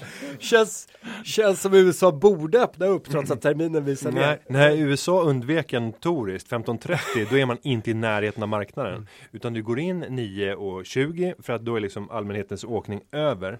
För att bara titta på, okej, okay, vad har vi nu fått för trendriktning i, i det korta perspektivet? Och så talar vi bara om någon timme. Har vi haft någon, någon tid, har vi haft två bottnar hittills under dagen? Åh, lite tekniskt. Ja, börjar vi befinna oss i en uppåtgående trendkanal här. Eh, och jag menar, sannolikheten för uppgång brukar vara högre om det gick upp i senaste intervallet, fem minuters eller tre minuters.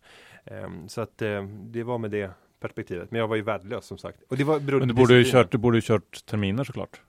Ja, och sen borde jag jobbat med stopploss. Det också. Eh, för att bara mentalt stänga av och säga att men det här är vad jag står beredd i varje affär. men det slår jag liksom på något sätt huvudet på spiken på en av de svåraste grejerna med trading. Mm. Att, eh, som, som framför, jag känner själv att det är en, en jättegrej som man måste jobba med hela tiden. Att liksom kunna ta stoppen när man har fel. För man vill ju inte erkänna det. Mm. Och har ni stopplosser som ligger eller har ni disciplinen inbyggd? Nej, vi har varken eller tänkte jag säga. Men, nej, det är någonting som, som både jag och John jobbar ju utan några sådana här att man lägger in en stopploss direkt. Utan det är ju någonting som sker på, sker på känsla mer. Um, vilket ibland fallerar såklart. Men jag tror också att vi är rätt olika på så sätt att eh, Johan kör helt utan stopploss teknik och jag är mer kör när jag är rädd så tar jag stoppen och jag blir rädd eh, alldeles för fort har jag märkt. Ofta tänker jag att jag borde ha lite större stopploss eh, utrymme och vara beredd att förlora mer än för att när jag tror på något eh, ordentligt. Men Johan är ju helt eh, fri jag brukar säga att han är helt frikopplad från pengar, riktiga värde. Och, och sen nu, eh, nu blir det lite ett angrepp här, men, men jag tycker ju att värdeinvesteringar, det är en vackrare form än trading. Och det handlar om att för mig så är ju ett, ett ägande av aktier, det är något emotionellt. Jag ställer upp, jag stöttar företaget, jag vill bli en del av det här företaget. Jag tror på er idé. Kommer ni be om nya pengar? Jag kommer ställa upp. Jag vill vara med och utveckla företaget. Så när du köper Telia Sonera så känner du att du vill vara en del av deras verksamhet? Nej, men om, om, vi, om vi tar eh, eh, Microsystemation som har varit min, min lilla, tillsammans med Cision, eh, min, mina pärlor självklart, man ställer upp i vått och torrt. Eh, och det är liksom jag, jag ställde upp på Microsystemation i typ fyra år tror jag. Fick fan ingenting för det. Nej men det är för att du är kortsiktig. hade du utvärderat det på 15 års sikt så hade du tjänat så mycket pengar. Ja, du väntade också på att Triton skulle komma tillbaka? vi får se när den här, nej MSAB var det jag var inne i. Uh, vi, ja. får, vi får väl se när, när den här cykeln är slut, uh, vart den står. Men, men uh, jag förstår din fråga där. Um, Alltså det samhällsnyttiga så att säga. Det är klart Men att strunta i det, du tycker ju inte. Men Nej, däremot jag, så jag, kan tror, man... jag tror, jag håller med dig. Jag tror ingen liksom kan hävda att vissa sitter och hävdar att man tillför likviditet som trader. Det gör man inte alls liksom. Och de här eh, algoritmfirmorna har ju också det som någon slags argument att de finns där. Men när det väl händer någonting så finns inte de där. Och det är klart att ingen trader liksom ser det som att man bidrar med likviditet, utan man vill ju tjäna pengar. Och det tror jag de som är långsiktiga också vill i slutändan. Det är väl bara två olika sätt att nå ett mål på något sätt. Så att, uh, ja. Vi nickar. Mm. Eh, och vi går vidare till, eh, och det, det var Johan Hertz och Martin Birkel som hade ställt eh, den frågan. Johan Engström, hur vet man när det är dags att sälja ett aktieinnehav? Ja, hur vet man när det är sälj? Väldigt bra fråga. Också en av de svåraste grejerna när det gäller eh, aktiehandel. Är det lättare att köpa än att sälja tycker ni?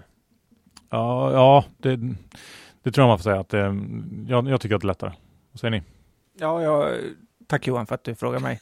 Eh, jag tycker att det är lättare att hitta bra entry points, som man säger. Hitta en aktie är väldigt billigt, men det är väldigt lätt att eh, sälja den för tidigt också. Eh, och jag håller nog helt med där, för jag är, eh, om jag ska ge mig själv ett, ett, ett självbetyg, så är jag väldigt duktig på att hitta extremt bra köplägen. Eh, men otroligt skicklig på att också dra mig ur alldeles för tidigt. Håller du med? Att du är, är duktig på att dra ut alldeles för tidigt. Nej, men jag tycker inte du köper den här långsiktiga. Eh, du köper ju så här, ja men det är tråkbolag. Förutom Marcus Estimation kan man väl tillägga, det är ändå tillväxtbolag. Men vanligtvis köper du så här, ja tillväxt 3% och handlas liksom, ska handlas på multipel 15, men nu handlas de på multipel 13 och därför. så att, så att eh, Ja, men sälj, säljer inte då när den har kommit till 15? Eller vad menar du att du drar Ja, ut för tidigt? Är det 13,5 då eller vad? Nej, men det är, lite- jag, jag tror att du är ganska bra, men du är dålig på att rida, men det är därför det finns inga trender, utan den ska ligga där och pendla mellan 13 och 15 i PE. Så att det är, jag tror att du säljer ganska bra. Nej, Men ett ganska bra bolag, det är Knowit. Som jag har hållit på och handlat rätt mycket. Eh, Och där vet man att när det är riktigt eh, jävligt, då går den ner och bottnar om det inte är finanskris eller liknande. Då är den nere på 45 spänn. Sen går den upp mot 70-73. Där har du ett ganska tydligt intervall där den handlas. Och då köper man när den befinner sig under 50 och så säljer man när den befinner sig under 70 eller över 70 eller nära 70. Eh, och sen kan det ta, det får ta sin tid. Och det är en så pass bra avkastning så det är värt att vänta. Den ligger kvar i min portfölj. Men jag kommer ju sälja. Nu borde jag gjort det för den var uppe i 70 så, men jag är fortsatt ägare. Men det är väl två olika perspektiv också. För om vi då lägger in oss i kategorin värdeinvesterare i trader så har ju ni den här kortsiktigheten att förhålla er till att ni borde stoppa, liksom stoppa ut er själva eller ni har för avsikt att det här är en kort position så därför så när, till, när den har gått upp så stänger jag direkt. Eller kan ni ligga i en, har, kan ni köpa en aktie där ni har för avsikt att tänka att så här, nu ska jag ligga den över dagen och så blir det en månad istället eller? Ja, när de går ner är det rätt ofta det blir så. Men vi träffade ju den legendariska Avanza-mannen för ett tag. Han sa ju också det man själv har märkt att väldigt ofta blir de eh, bästa tradesen man gör de man ligger fel på i början. Att när du köper mer och du hittar ett bolag du tror på, men du köper mer även fast den fortsätter att gå ner och på så sätt kan det bli väldigt bra affärer. Sen en skillnad mellan oss, det är ju att ni tar ut pengar varje månad från er depå. Eh, jag tar aldrig ut pengar från min depå utan sätter in pengar varje månad. Och det där förändrar ju förutsättningarna helt och hållet. Eh, och och, och det, det mentala, var inte det tufft när ni gick från ett vanligt jobb där det var precis likadant. Ni stoppade in pengar på kontot till att, att bara plocka ut. Eller gör ni insättningar någon gång? Nej, helst inga insättningar. Då vet man att det inte gått så bra. Nej, men jag tycker inte att det är så mentalt jobbigt eh, i och med att det ska växa så mycket mer än det gjorde förut. Som, eh, så att på så sätt blir det inte ett problem. Nej, jag, jag har i alla fall delat upp det i liksom olika depåer så att jag har en, en en tradingdepå och en långsiktig depå eh, som jag skiljer på. Eh, så att lönen ska ju tas från den kortsiktiga tradingdepån. Eh, så det, det tycker inte jag heller är något problem. Kan ingen känna igen sig i det, alltså mitt läge att sälja är när jag är sugen på att köpa något annat?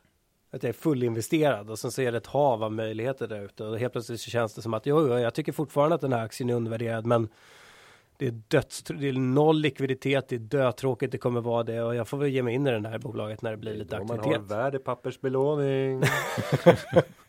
Det är då man gerar sig. ja, eh, kör ni med belåning? Eh, check.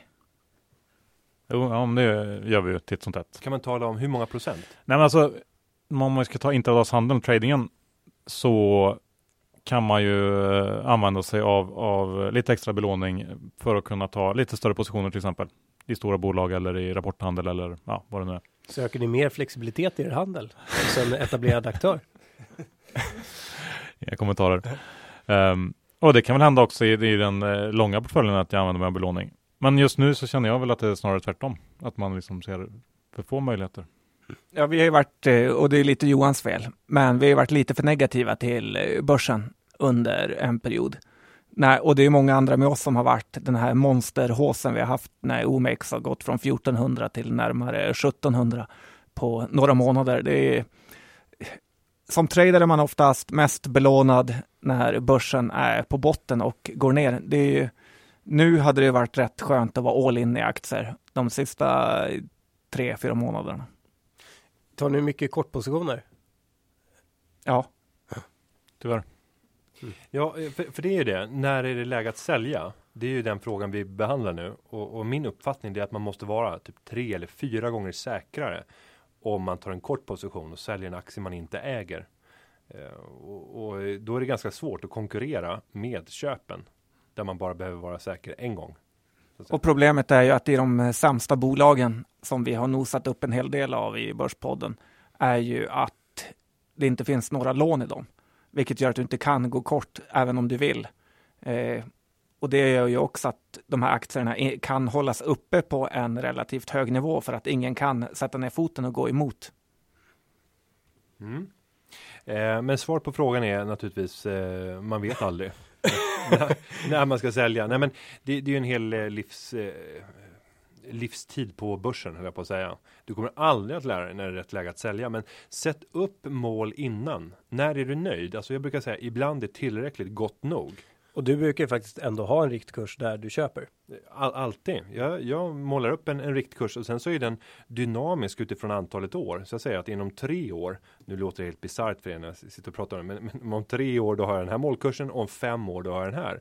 Eh, och, och, nu har det visat sig. Och har du då fått 80% av den eh, måluppfyllnad så kan du sälja två efter två månader så kan du sälja. Absolut, absolut. Så det är bara ett, ett, eh, en linjär graf där jag har en avkastningsförväntan och sen så får jag följa den år ut och år in och sen kan börsen bli galen och då ska man försöka sälja den innan. Eh, vi har Kasper Johansson som har frågat på eh, Twitter också. Har Nordnet en motsvarighet till Avanza-mannen? Det vill säga Nordnet-mannen? Jan, har vi det? Beskriv Avanza-mannen. Är ja, en... ni, ni, har träffat honom? Ja. ja, men det är väl Avanzas stör, största trader och Nordnet har väl sina Nordnet-män inne i Nordnet-rummet, ett helt gäng.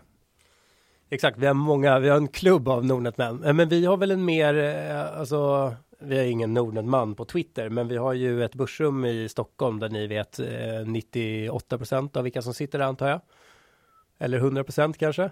Ja, de känner till ja. Ja, Ja, men där sitter det, jag vet inte om de är 30 pers nu eller om de är 20 pers 35. eller 35 pers till och med. Och det är, kö. Att, och det är kö för att komma in i. Är det all time high? Ja, men det är det väl. Men det har alltid varit stor efterfrågan för du, alltså, du, jag tror att framgångsfaktorn har varit att man sätter liksom det yrket ni håller på med i en social kontext. Så det kan ju vara väldigt ensamt om man sitter en, i sin hemmamiljö och jag kan tänka mig att det är svårt att hålla discipliner också om man sitter i sin hemmamiljö. Så att få ett kontor att gå till och att få mjukvara och hårdvara installerat och färdiginstallerat och få liksom höra från andra vad det är som händer i marknaden eh, skapar en bra struktur. Ehm, så vi har massa eh, väldigt aktiva handlare som är mer eller mindre framgångsrika. Ja, och där många sätter diskretionen väldigt högt. Och det skulle vara kul att höra från er. Varför tror ni att de vill vara så anonyma? För det kan hända ibland att jag får tips från enskilda traders där de tycker att det här får du gärna titta närmare på. Det här är skumt. De har observerat någonting i handeln eller något, något fenomen. Men de vill aldrig någonsin förekomma med namn. Varför denna? Jag menar, ni är ju ett, ett lysande exempel på motsatsen. Men, men varför tror ni att många av era kollegor vill vara så diskreta?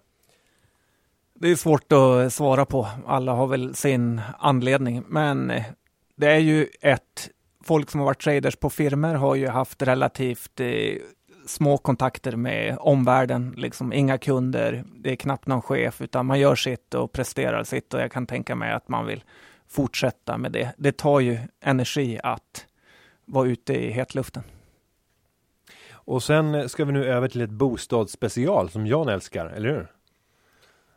Ja, snabbt kan vi vispa ja, igenom det. Eh, gärna bostadsmarknaden och det är Patrik Ågren som frågar. Och riskerna för bubbla om de nya amorteringskraven går igenom den 1 augusti. Och sen frågar även Simon Davod Davodian tror jag att det uttalas. Gärna en stund om det rådande läget kring bostadsmarknaden och de nya lagar, regler som träder i kraft okay. i augusti. Nu har vi fin besök från Börspodden som gärna vill prata aktier. Om de vill prata boende så kan vi prata ja, men det boende. Vill de. Om de inte... John, John sa att alla gillar bostadspriser. Därför ställer vi nu frågan. Ja, det gör vi. Ja, men vi tar dem, vi tar dem ja. lite snabbt. Vad va, va kommer det hända? Har vi en bubbla? Vad kommer hända med eh, med nya amorteringskraven? Vad ser ni för risker just nu om vi pratar eh, storstadsbostadsmarknad i Sverige? det är ju helt fantastiskt eh, dyrt. Jag tror inte amorteringskravet kommer spela någon eh, större roll i det hela. Men folk har gott om pengar. Det är låga räntor. Jag var och kollade på ett fritidshus här i helgen och det var liksom kö med bilar för att komma dit. Så att det är monsterhås på bostadsmarknaden. Jag har ju en, en, liten teori om att det nästan blir en omvänd effekt mot vad folk väntar sig eh, efter amorteringskravet. Alltså att vi får i alla fall kortsiktigt kanske en, en liksom ett upptick till i priserna. Eh, för att eh, många kanske säljer inför, väntar med att köpa för att de räknar med att det ska ge någon slags eh, press neråt på priserna. Och samtidigt så blir det då, eftersom många säljer innan, så kommer det vara kanske ett dåligt, liksom ännu sämre utbud efteråt. Så att man får liksom ännu sämre utbud och kortsiktigt ännu högre efterfrågan så att man får ännu en liten sån här tryck uppåt. Kanske. Ja, men tror ni inte att det finns en rädsla från de som, de som ska sälja att gå ut nu innan första augusti för man tänker att med amorteringskravet så kommer köpgruppen vara mindre därför vill jag sälja nu samtidigt tänker många köpare att de inte vill ha eh, en, en, ett köp efter för att slippa amorteringskraven. Mm. Jag skulle tro att det leder till ett prisrally och en högre omsättning inför första augusti. Men att vi därefter får se hur utbudet stryps lite grann för att det är en rädsla för att man inte får samma priser. Säger du samma sak som Johan precis sa nu? Ja, fast på ett mer sofistikerat sätt. Ja, nästan kanske. Uh, ja. ja, men jag, jag pratar högre, högre utbud, både på köp och, och säljsidan Innan, ja. inför. Ja. Det är en skillnad. Okay, ja. Men skillnad. frågan var vad som gällde efteråt. Efter, ja, jag, tr jag tror snarare att vi kommer få se en dämpande effekt. Och kolla, alltså nu...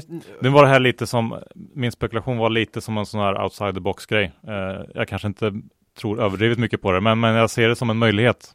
Nu, jag, kan fort, jag kan se rubrikerna. Bostadspriserna kommer skena efter eh, första augusti. Nej, men om du åker ut i landet och ni behöver inte åka ut i landet utan gör det på Hemnet och bara screena. Och min favorit, det brukar vara att åka till Luleå med kartan och titta på Luleås yttre innerstad om man kan tala om det. Men väldigt nära city, men inte i Luleå. En villa 4 till 5 miljoner kronor kostar den i Luleå. Och det är inga märkvärdiga pjäser utan vi pratar liksom 70-talshus. Hyggligt renoverade men, men inget märkvärdigt. Där ser jag en påfallande stor risk. I den typen av områden där priserna procentuellt har seglat iväg långt mycket mer faktiskt än vad de har gjort i de attraktiva liksom förorterna i Stockholm. Jämför du Djursholm, Stocksund, Bromma. De har inte en suck mot prisutvecklingen där. Och sen så ska man ju också komma ihåg att Sverige är väl i princip det enda landet i liksom den utvecklade världen som inte åkte på ordentligt i, under finanskrisen. Kanske tillsammans med Kanada, eh, som jag sagt, tror kommer åka på nu med, med oljan.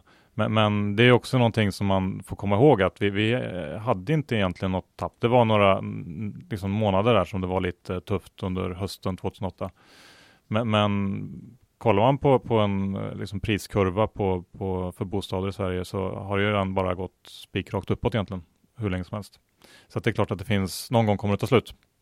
Eh, Johan O Karlsson och Hakan, Havkan eh, ställer frågor om eh, bostadsmarknaden i Turkiet, Medelhavet. Vad bör man investera? Svårt att men du skakar på huvudet.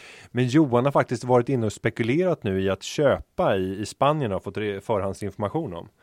Och så är det någon som säger fundera inte ens på Turkiet med tanke på deras politik. Spanien är bättre på allt. Ja, får vi höra från Ja, eh, Börspodden funderar, vi funderar på att ta in lite preffar nu och börja gå in tungt i Spanien faktiskt. Får se hur det blir med det. Uh, nej då, men, men jag har ingen eh, koll alls egentligen på eh, fastighetsmarknaden. Men, men du, var du sugen privat eller som investering? Nej, vill någon ge mig lite? Jag kan ju tänka mig att ta, starta ett bolag och ta in preffar och starta ett fastighetsbolag i Spanien. Det tror jag inte är så dum idé. Om man är lite långsiktig alltså. Du skulle kunna lyssna med Amre, Amrefa. De verkar inte ha... Ja, det är bra. Jag ska skriva upp det skulle här. kunna flytta till... Nej, men om man ska vara lite Man- Det var i och seriös. för sig så- fem stycken hyreslägenheter i Michigan. Som, Ja. ja. Men eh, skämt åsido som man brukar säga. Jag var i, i Marbella här för eh, ett halvår sedan och var runt på lite visningar av lägenheter där. Eh, jag och Johan var med familjerna på eh, Teneriffa här under januari. Och det finns ju fortfarande ofattbara mängder osålda komplex av lägenheter där. Det behöver inte vara en dålig affär, men det är ju alltid lite meck att köpa en och det finns ett enormt överutbud. Och ska man ge sig in så ger jag ju rekommendationen att köp inte ett radhus två mil in i landet, utan gå efter det absolut bästa så du kan sälja det om du vill sen. Och nu har vi en, en snabb fråga här från Kavastu. Eh, varför alla tar till extremerna? Idag nämns att börsen stigit med cirka 35% på kort tid, det vill säga fem och en halv månad. Men egentligen bara drygt 20% på sex och en halv månad. Varför alltid den låga, eh, eh, den lägsta punkten? Kanske för att få mer tyngd för sitt påstående. Så sent som i fredags så skrev Frida Andersson i Svenskan eh, följande. Är det inte bättre att vara realistisk just nu och prata om plus 21 till 22 procent? Ett års rullande. Fick Cavasto bestämma så hade index varit i 4-5 tusen vid det här laget. Så att eh, ja visst, det beror på hur man räknar, men så är det alltid. Kort och koncist svar. Eh, Johan Bäck Arlind undrar vilka risker finns med företagsobligationsfonder som ger runt 6% just nu?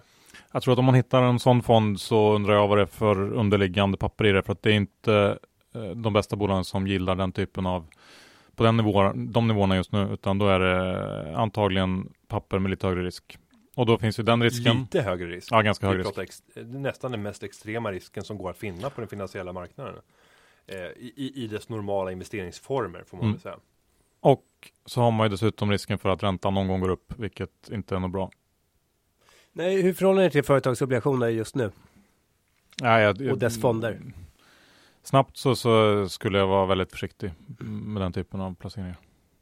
Med rationalen att mm, vi har inte så mycket botten i, vi kan inte sänka räntan så mycket mer utan den kan, tror vi, gå åt ett håll härifrån och det är uppåt. Ja, nu blir det ju jättegenerella svar som Ja. allt beror ju på, ja, på så många saker. Men, men räntan är ju en viktig del såklart. Sen har vi Peter Johansson som undrar, finns det några säsongsmässiga mönster i OMX och andra marknader? Eh, finns det några motpoler? Går det att utnyttja säsongsmässiga mönster för att idka trading och tjäna pengar? Hur ser ni på det? Ja, men vi har ju alltid ett stark, eh, starkt avslutning av året, december, och sen brukar vi ha en bra start. Och sen brukar man få vara orolig under sommaren och hösten vad som ska hända. Eller vad säger du Günther? Ja, tittar man rent historiskt och jag brukar säga rent tekniskt sett så skulle man ju ha köpt aktier i mitten av oktober ungefär och sålt sista april. Då har du fått en lysande avkastning. Det här är också statistik, men det är ganska lång serie av statistik och det kan ju finnas naturliga förklaringar i att man positionerar sig för utdelningar och annat som gör att investerare dras till aktier ju närmare utdelningar man kommer. Men när de de facto har kommit så blir man mindre intresserade. Jag vet inte om ni har några andra förklaringar. Ja, sen är det väl också så att under eh, sommaren så många lediga, likviditeten minskar, eh, ja, säljtryck får större påverkan och så vidare och så vidare. Sådana saker. Eh, Johan, du har också någon uppfattning om Qliro, gamla CDON. Det är min syn på aktier som undrar på Twitter. Det är inte din älskling vad jag förstår. Eh, nej, eh, jag gillar inte Qliro. Eh, aktien är dyr. Tittar man på eh, de prognoser som finns ute så är det, och då ska man vara optimistisk om man tror på dem, så, så handlas den kanske till P25 2016.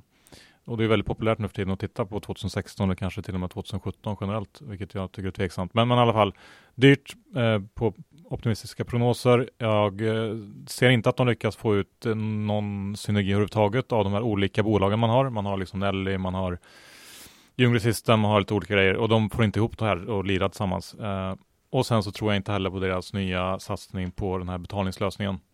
Eh, den där nischen börjar bli crowded och Eh, jag tror att det kan bli tufft där, att man kommer inte tjäna lika mycket pengar på det där som man har gjort historiskt. Massa dåliga grejer som jag radar upp nu och ja, jag tycker helt enkelt att man inte ska köpa den här aktien kring 16-17 eller vad det nu står. Mm. Vi går vidare till eh, Daniel Bertilsson. Är det lönt att köpa en aktie som stigit 60% på kort tid? Och just i det här fallet så tänker han på Starbreeze. Tack för bästa podden. Och låt oss lyfta frågan eh, till en högre nivå än Starbreeze. En aktie som har stigit med 60% Är det köp eller sälj? Eller kan man överhuvudtaget säga någonting om en sån stor rörelse? Mycket beror ju på anledningen, men eh, det är ju helt klart högre risk att köpa den när den gått upp 60 procent än innan. Mycket stor möjlighet att det kommer någon rekyl ner och jag skulle vara väldigt försiktig med att eh, köpa den.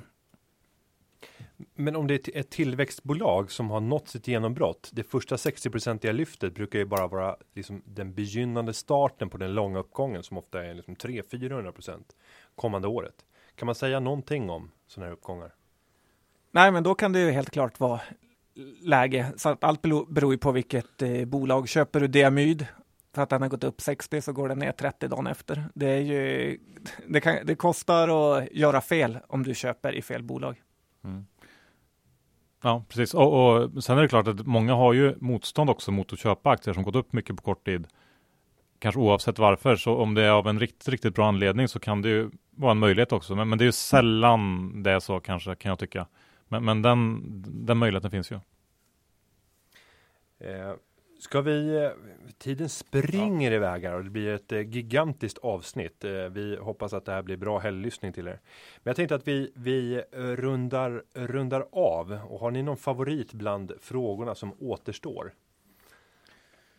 Vi kan väl få höra hur du Günther eh, gjorde för att få en så kostnadsfri påsk som möjligt. Det är klart det har ni undrar fått det. många frågor om. Det är klart ni undrar det. Eh, och i det här fallet så var det en fråga från Kenny eh, Jos Garcia som skickade in. Och jag skulle gärna vilja höra era tips också. Men om man ska fira en riktigt billig påsk så handlar det om att hitta nöjen som har högre grad av lycka i sig än kostnader och då innebär det bland annat att ge sig ut i skogen tillsammans med barnen, tända eld. Ni vet att många av er har varit utomlands och Jan har varit i, i solen. Men jag kan säga att jag har fått mer värme och mer ljus än vad Jan har fått. För jag tände eld på en tre år hög rishög. Så det blev värre än en majbrasa. Den hettan, det är ljuset det, det är svåruppnåeligt och dessutom helt gratis. Det kostar lite vatten för att liksom se till att det där inte spreds till någon form av tomt och skogsbrand. Eh, badhuset, se till att planera, ta med eh, både varm choklad och smörgåsar för att kunna vara där så länge som det bara går. Så om du summerar vad du har lagt på konsumtion från torsdag till söndag. Eh, tänk påskägg, tänka för barnen, festmåltider för att ha det mysigt hemma och så vidare. Hur mycket har ni bränt? Tutti och det, det mesta, och det är lite sorgligt, det mesta har gått åt till alkohol. Eh, men, men det, det, är säkert 20-25% av, av den totala kostnadsbasen. Jag skulle sammantaget tro att eh, spending, om vi bara tar rörliga kostnader, inte börjar bära, bära, bära in bostad och liknande, men kanske 900 kronor skulle jag tro under den här lång, långhelgen. Och då är det liksom ordentligt firande som har skett i familjen. Eh, har ni några andra spartips när det gäller en riktigt billig påsk? Man kan alltid åka bort till eh, svärmor så drar det ner lite på kostnaden. Det där är riktigt bra tips. Faktiskt. är, är det någonting som du gillar Jan? Resa med mamsen och pappsen ja. ja. Det, är, det är superekonomiskt. Eh, var de med nu senast? De var med. Och de pröjsade biljetter, eller hur? Nej, det gör de inte. Det gör de. Inte? Nej. Nej. Men ja. mycket annat. Ja. Ska, ska, vi, ska vi runda av? Vi, vi lovade ju att vi skulle ha köp och säljtips. Eh, så vi skulle ta fram en köp och en säljkandidat och det där kan ta hur lång tid som helst. Men låt oss försöka vara rappa i käften eh, och, och, vara försiktiga med att kritisera varandras val allt för mycket. Så blir affärsvärlden glada också. Låg grad av källkritik. John, vill du börja? Vad har du för eh, favoriter? Min favorit och som jag tycker är lite rolig med är ju den nyintroducerade preferensaktien K2 som bygger studentbostäder i trä. Den handlas eh, betydligt lägre än till exempel bolag som jag inte gillar, typ Amasten och Victoria Park. Och jag tycker att det är lite som att, eh, som vart eh, student som har pluggat i Uppsala och bott i Flogstas miljonprogramprojekt så tycker jag att det känns eh, nästan som lite välgörenhet att investera pengar i den här preferensaktien och du får 7,3 procent i avkastning. Så jag tror den här kan leta sig uppåt samtidigt som du får direktavkastningen och att det är för en bra sak. Så att eh, den här vill jag ha i min portfölj och det har jag också. Och vilken aktie undviker du för tillfället? Säljkandidat? Jag har två bolag där. Jag tänkte du kan, någon, eh, Jan kan få välja och antingen så är det Pled Pharma eller så är det eh, bolaget som har gått upp mycket idag, Elos. Varför? ja, du får, du får välja vilket du vill, sa okay. jag ska ta en. Ja, min, jag, jag har säljrek på båda. Pläd Pharma låter kul. Ja, men Pläd Pharma lovar väldigt mycket, kom med forskningsresultat som de basunerade ut som att det var helt fantastiskt. Aktien öppnade i 50 kronor och när man tittar lite närmare på vad de har faktiskt har kommit fram till så är det inte alls så bra som de ville påskina. Jag har varit med förut om bolag i den här typen av eh, sektor som slarvar och eh, försöker verka mer än man är. Nu handlas den i 33 kronor och har tappat nästan 40 procent från sin eh, topp när man kom med nyheten. Jag vill inte vara med i ett sånt här bolag som jag inte tror på. Dessutom är det värt en miljard, vilket är väldigt mycket från att egentligen inte kommit fram till så mycket. Så här har jag sälj. Det är uppfattat. Går vi över på dig Günther för att köra lite växling? Eh, det kan vi göra och jag eh, på min köplista så måste jag plocka någonting som befinner sig i min egna portfölj och en av de aktierna som inte har svarat upp mot min förväntan hittills det är ju Elekta. Eh, jag vill ju tro fortsatt att bolaget är välpositionerat. Jag känner en oro inför Varian och att de trots den lägre kronan eh, faktiskt fortsätter att sälja mer och en högre tillväxt än Elekta. Men jag tror att det kommer bli svårt, alltså med 35 rabatt. Nu vet jag att det inte är fullt så enkelt att överföra den valutaeffekten rakt över till Elekta. Men Elekta är ändå tillsammans med Varian den, den världsledande aktören. Och eh, jag tror att vi börjar komma in i en fas där investerarna kommer att börja omvärdera den här aktien och särskilt när vi får de första kvartalerna som visar eh, att bolaget är på väg i rätt riktning. Eh, jag vill då gärna se att de här frågetecknen som finns kring kassaflödena bara utraderas, för det skulle kunna vara det största orosmomentet. Det här är då ingen köprekommendation? Absolut inte, utan det är bara ett privat innehav mm. som jag har. Sen så ett annat innehav som jag inte har då, som jag skulle vilja, vilja dissa och det finns, det finns många, jag skulle kunna vara feg och säga liksom Eniro, men jag är ännu fegare och tittar på årets förlorare på aktietorget och återfinner Sefor. Eh, som tillverkade drycker paketerade i glas som man kunde, där Kajsa Bergqvist var, var engagerad. Eh, det här bolaget har ju varit årets förlorare typ varenda år känns det som och jag kan inte på något sätt se att den här resan är all utan eh, spänn i er för nu går det utför och det är alltså ingen ingen rekommendation utan det är bara en personlig uppfattning. Börspodden har ju haft eh, säljrek på Sefor i ett och ett halvt år så att det är kul att du hittar den nu Günther. Härligt. Men, men äh, återigen, den är svårblankad kan vi ju säga. Johan. Ja, eftersom det verkar vara någon slags genomgående tema här att man ska reka eh, aktier som man har i sin egen portfölj, då är det okej. Okay. Eh, så får jag ta en av få aktier jag har eh, en av få som kvalar in just nu. Och det är eh, ett norskt bolag som heter eh, Salaris som eh, håller på med HR-lösningar kan man säga. De tar hand om löneadministration för stora företag, har Statoil, Nordea som kunder till exempel. Väldigt mycket återkommande intäkter, väntas växa kring 20% i år, P 15-16, fint bolag, jag säger köp. Didner och Gerge är stora i bolaget också. Korrekt. Mm. Sälj tar jag en gammal eh, trotjänare som jag brukar dra upp när jag ska ta säljråd. Det är Electrolux. Eh, står i 250-260 nu. Gått jättemycket på lite hopp om bättre konjunktur på det här GE-köpet man gjorde. Samtidigt så har de eh, valutorna emot sig. Både brasilianska realen och eh, amerikanska dollarn kostar väldigt mycket för dem som det ser ut nu. Jag tror att förväntningarna är hög, för höga helt enkelt och det är ett bolag som har en eh, fruktansvärd historik, eh, alltid lövtunna marginaler, bäst i norra Europa brukar jag säga på att skapa EU-kostnader. Eh, det är inte heller någonting som är bra tycker jag, så det blir sälj. Och kan du till och med stå beredd att blanka aktien långsiktigt på de här nivåerna? Ja, jag, jag var kort den ett tag här tidigare år. Jag tog in den blankningen för ett tag sedan, så jag har ingen position där. Men det är absolut ett bolag som jag gärna kortar om tillfälle ges.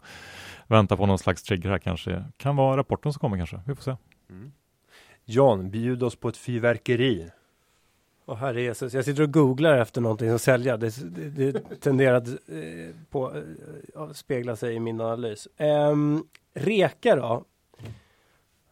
Eller Anders? Eh, fortsatt ja. i min portfölj.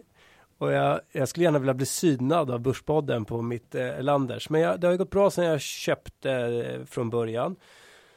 Det är helt enkelt, jag tror, att, jag tror att det finns en sån här riktig boringstämpel på bolaget för att man ser den som ett gammalt katalogbolag med det varumärket. Men att för, det är två saker. Det ena är att eh, Benette är huvudägare, han är en duktig huvudägare och har haft bra track record vad det gäller andra investeringar. Det andra är att de är en supply chain leverantör, en global sådan, har köpt ett spännande, gjort ett spännande förvärv i Asien till en låg multipel och jag vet inte vad de kommer att handlas för P i år eller någonting med eh, dräglig tillväxt, men jag skulle bli förvånad om det ligger över 10. Sen tror jag att det är rätt mycket sådana där förvärvs och eh, konsultkostnader nu här i början, men, men jag tycker att värderingen bara i förhållande till, till eh, alltså vinsten i förhållande till, till omsättning och resultat ser, ser bra ut. På säljsidan, jag, jag vågar inte ens ge en säljkandidat. Jag gick in och kollade på FIs blankningslista och det är de vanliga kandidaterna. Eniro, Enira kan man ju alltid blanka. Den känns man är alltid sugen på att blanka Eniro. Eh, sen är det Elekta, SSAB, MTG. MTG tror jag är en sån här återkommande favorit från blankningshuset. Men jag, jag passar för att jag tycker att det är mer läskigt att sticka ut hakan, hakan vad det gäller blankningar. Kollar jag då på Shareville så ser jag att de bästa på Shareville säljer Microsystemation för tillfället. Ja, men det är för att jag har sålt. kan så vara. B vad säger ni om den här listan? De som säljer mest. Jag tar de svenska innehaven. Troax, aldrig hört talas om. Ny introduktion ja, eh, som har gått upp ofattbart mycket. Mekonomen. Också gått upp eh, massor. Vd-byte. Microsystemation. För att Günther har sålt. Balder. Fastighetsbolag som är dyrt. Men som jag såg, som gick in i Finland lite tungt förra veckan och det är ju någonting som alla analytiker gillar. Direkt så skruvar man upp EPS-estimaten med 10-15 procent. Och Lucara Diamond. Ja, ja Lundin, eh, frifräsarbolag som håller på och gräver diamanter. Inget för mig, men. Nej, på tal om att vara långt bort från sin verksamhet man kan analysera. Bra! Och Günther har börjat fotografera här i studion. Ja, och det börjar bli dags att runda av. Eh, och med det så säger vi att eh, den här podcasten, den har spelats in av... Du kan väl tacka, eh, det var kul och allt sånt där. Du vill ja, lägga till det? och allt sånt. Det har varit riktigt kul att, få sitta här eh, långt mycket längre än jag någonsin hade tänkt från början och säkert många lyssnare innan de förstod hur långt avsnittet var. Eh, kanske rekord för båda, någonsin, alla kategorier. För oss lätt, för ja. er ja. Ja, vi har varit uppe och snuddat på två timmar eh, tidigare, men, men det här slår nog alla rekord. Vad tycker ni? Att, blev det som ni hade förväntat er? Jag tycker att det är fantastiskt kul att få komma hit. Eh, Jan har man ju sett eh, länge, är ju superkändis och Günther är också superkändis. Så att det är kul för oss att eh, vara uppe på den här nivån nu. Ja, jätteskoj var det. Tack för att vi fick komma tänkte jag säga, men det var ju vi själva som ordnat det så att kanske Ja. vi inte ska tacka för. Men Tack för stålarna, säger vi. tack för stålarna. Och, och alla, alla hiv-drabbade i världen. Yes. Eh, med det så säger vi att den här podcasten har spelats in av Jon Karlweitz och den är även klippts av samma Jon. Tack för idag allihopa. Tack! Ha det gott. Ha det gott! tack. Hej Tack då! hej.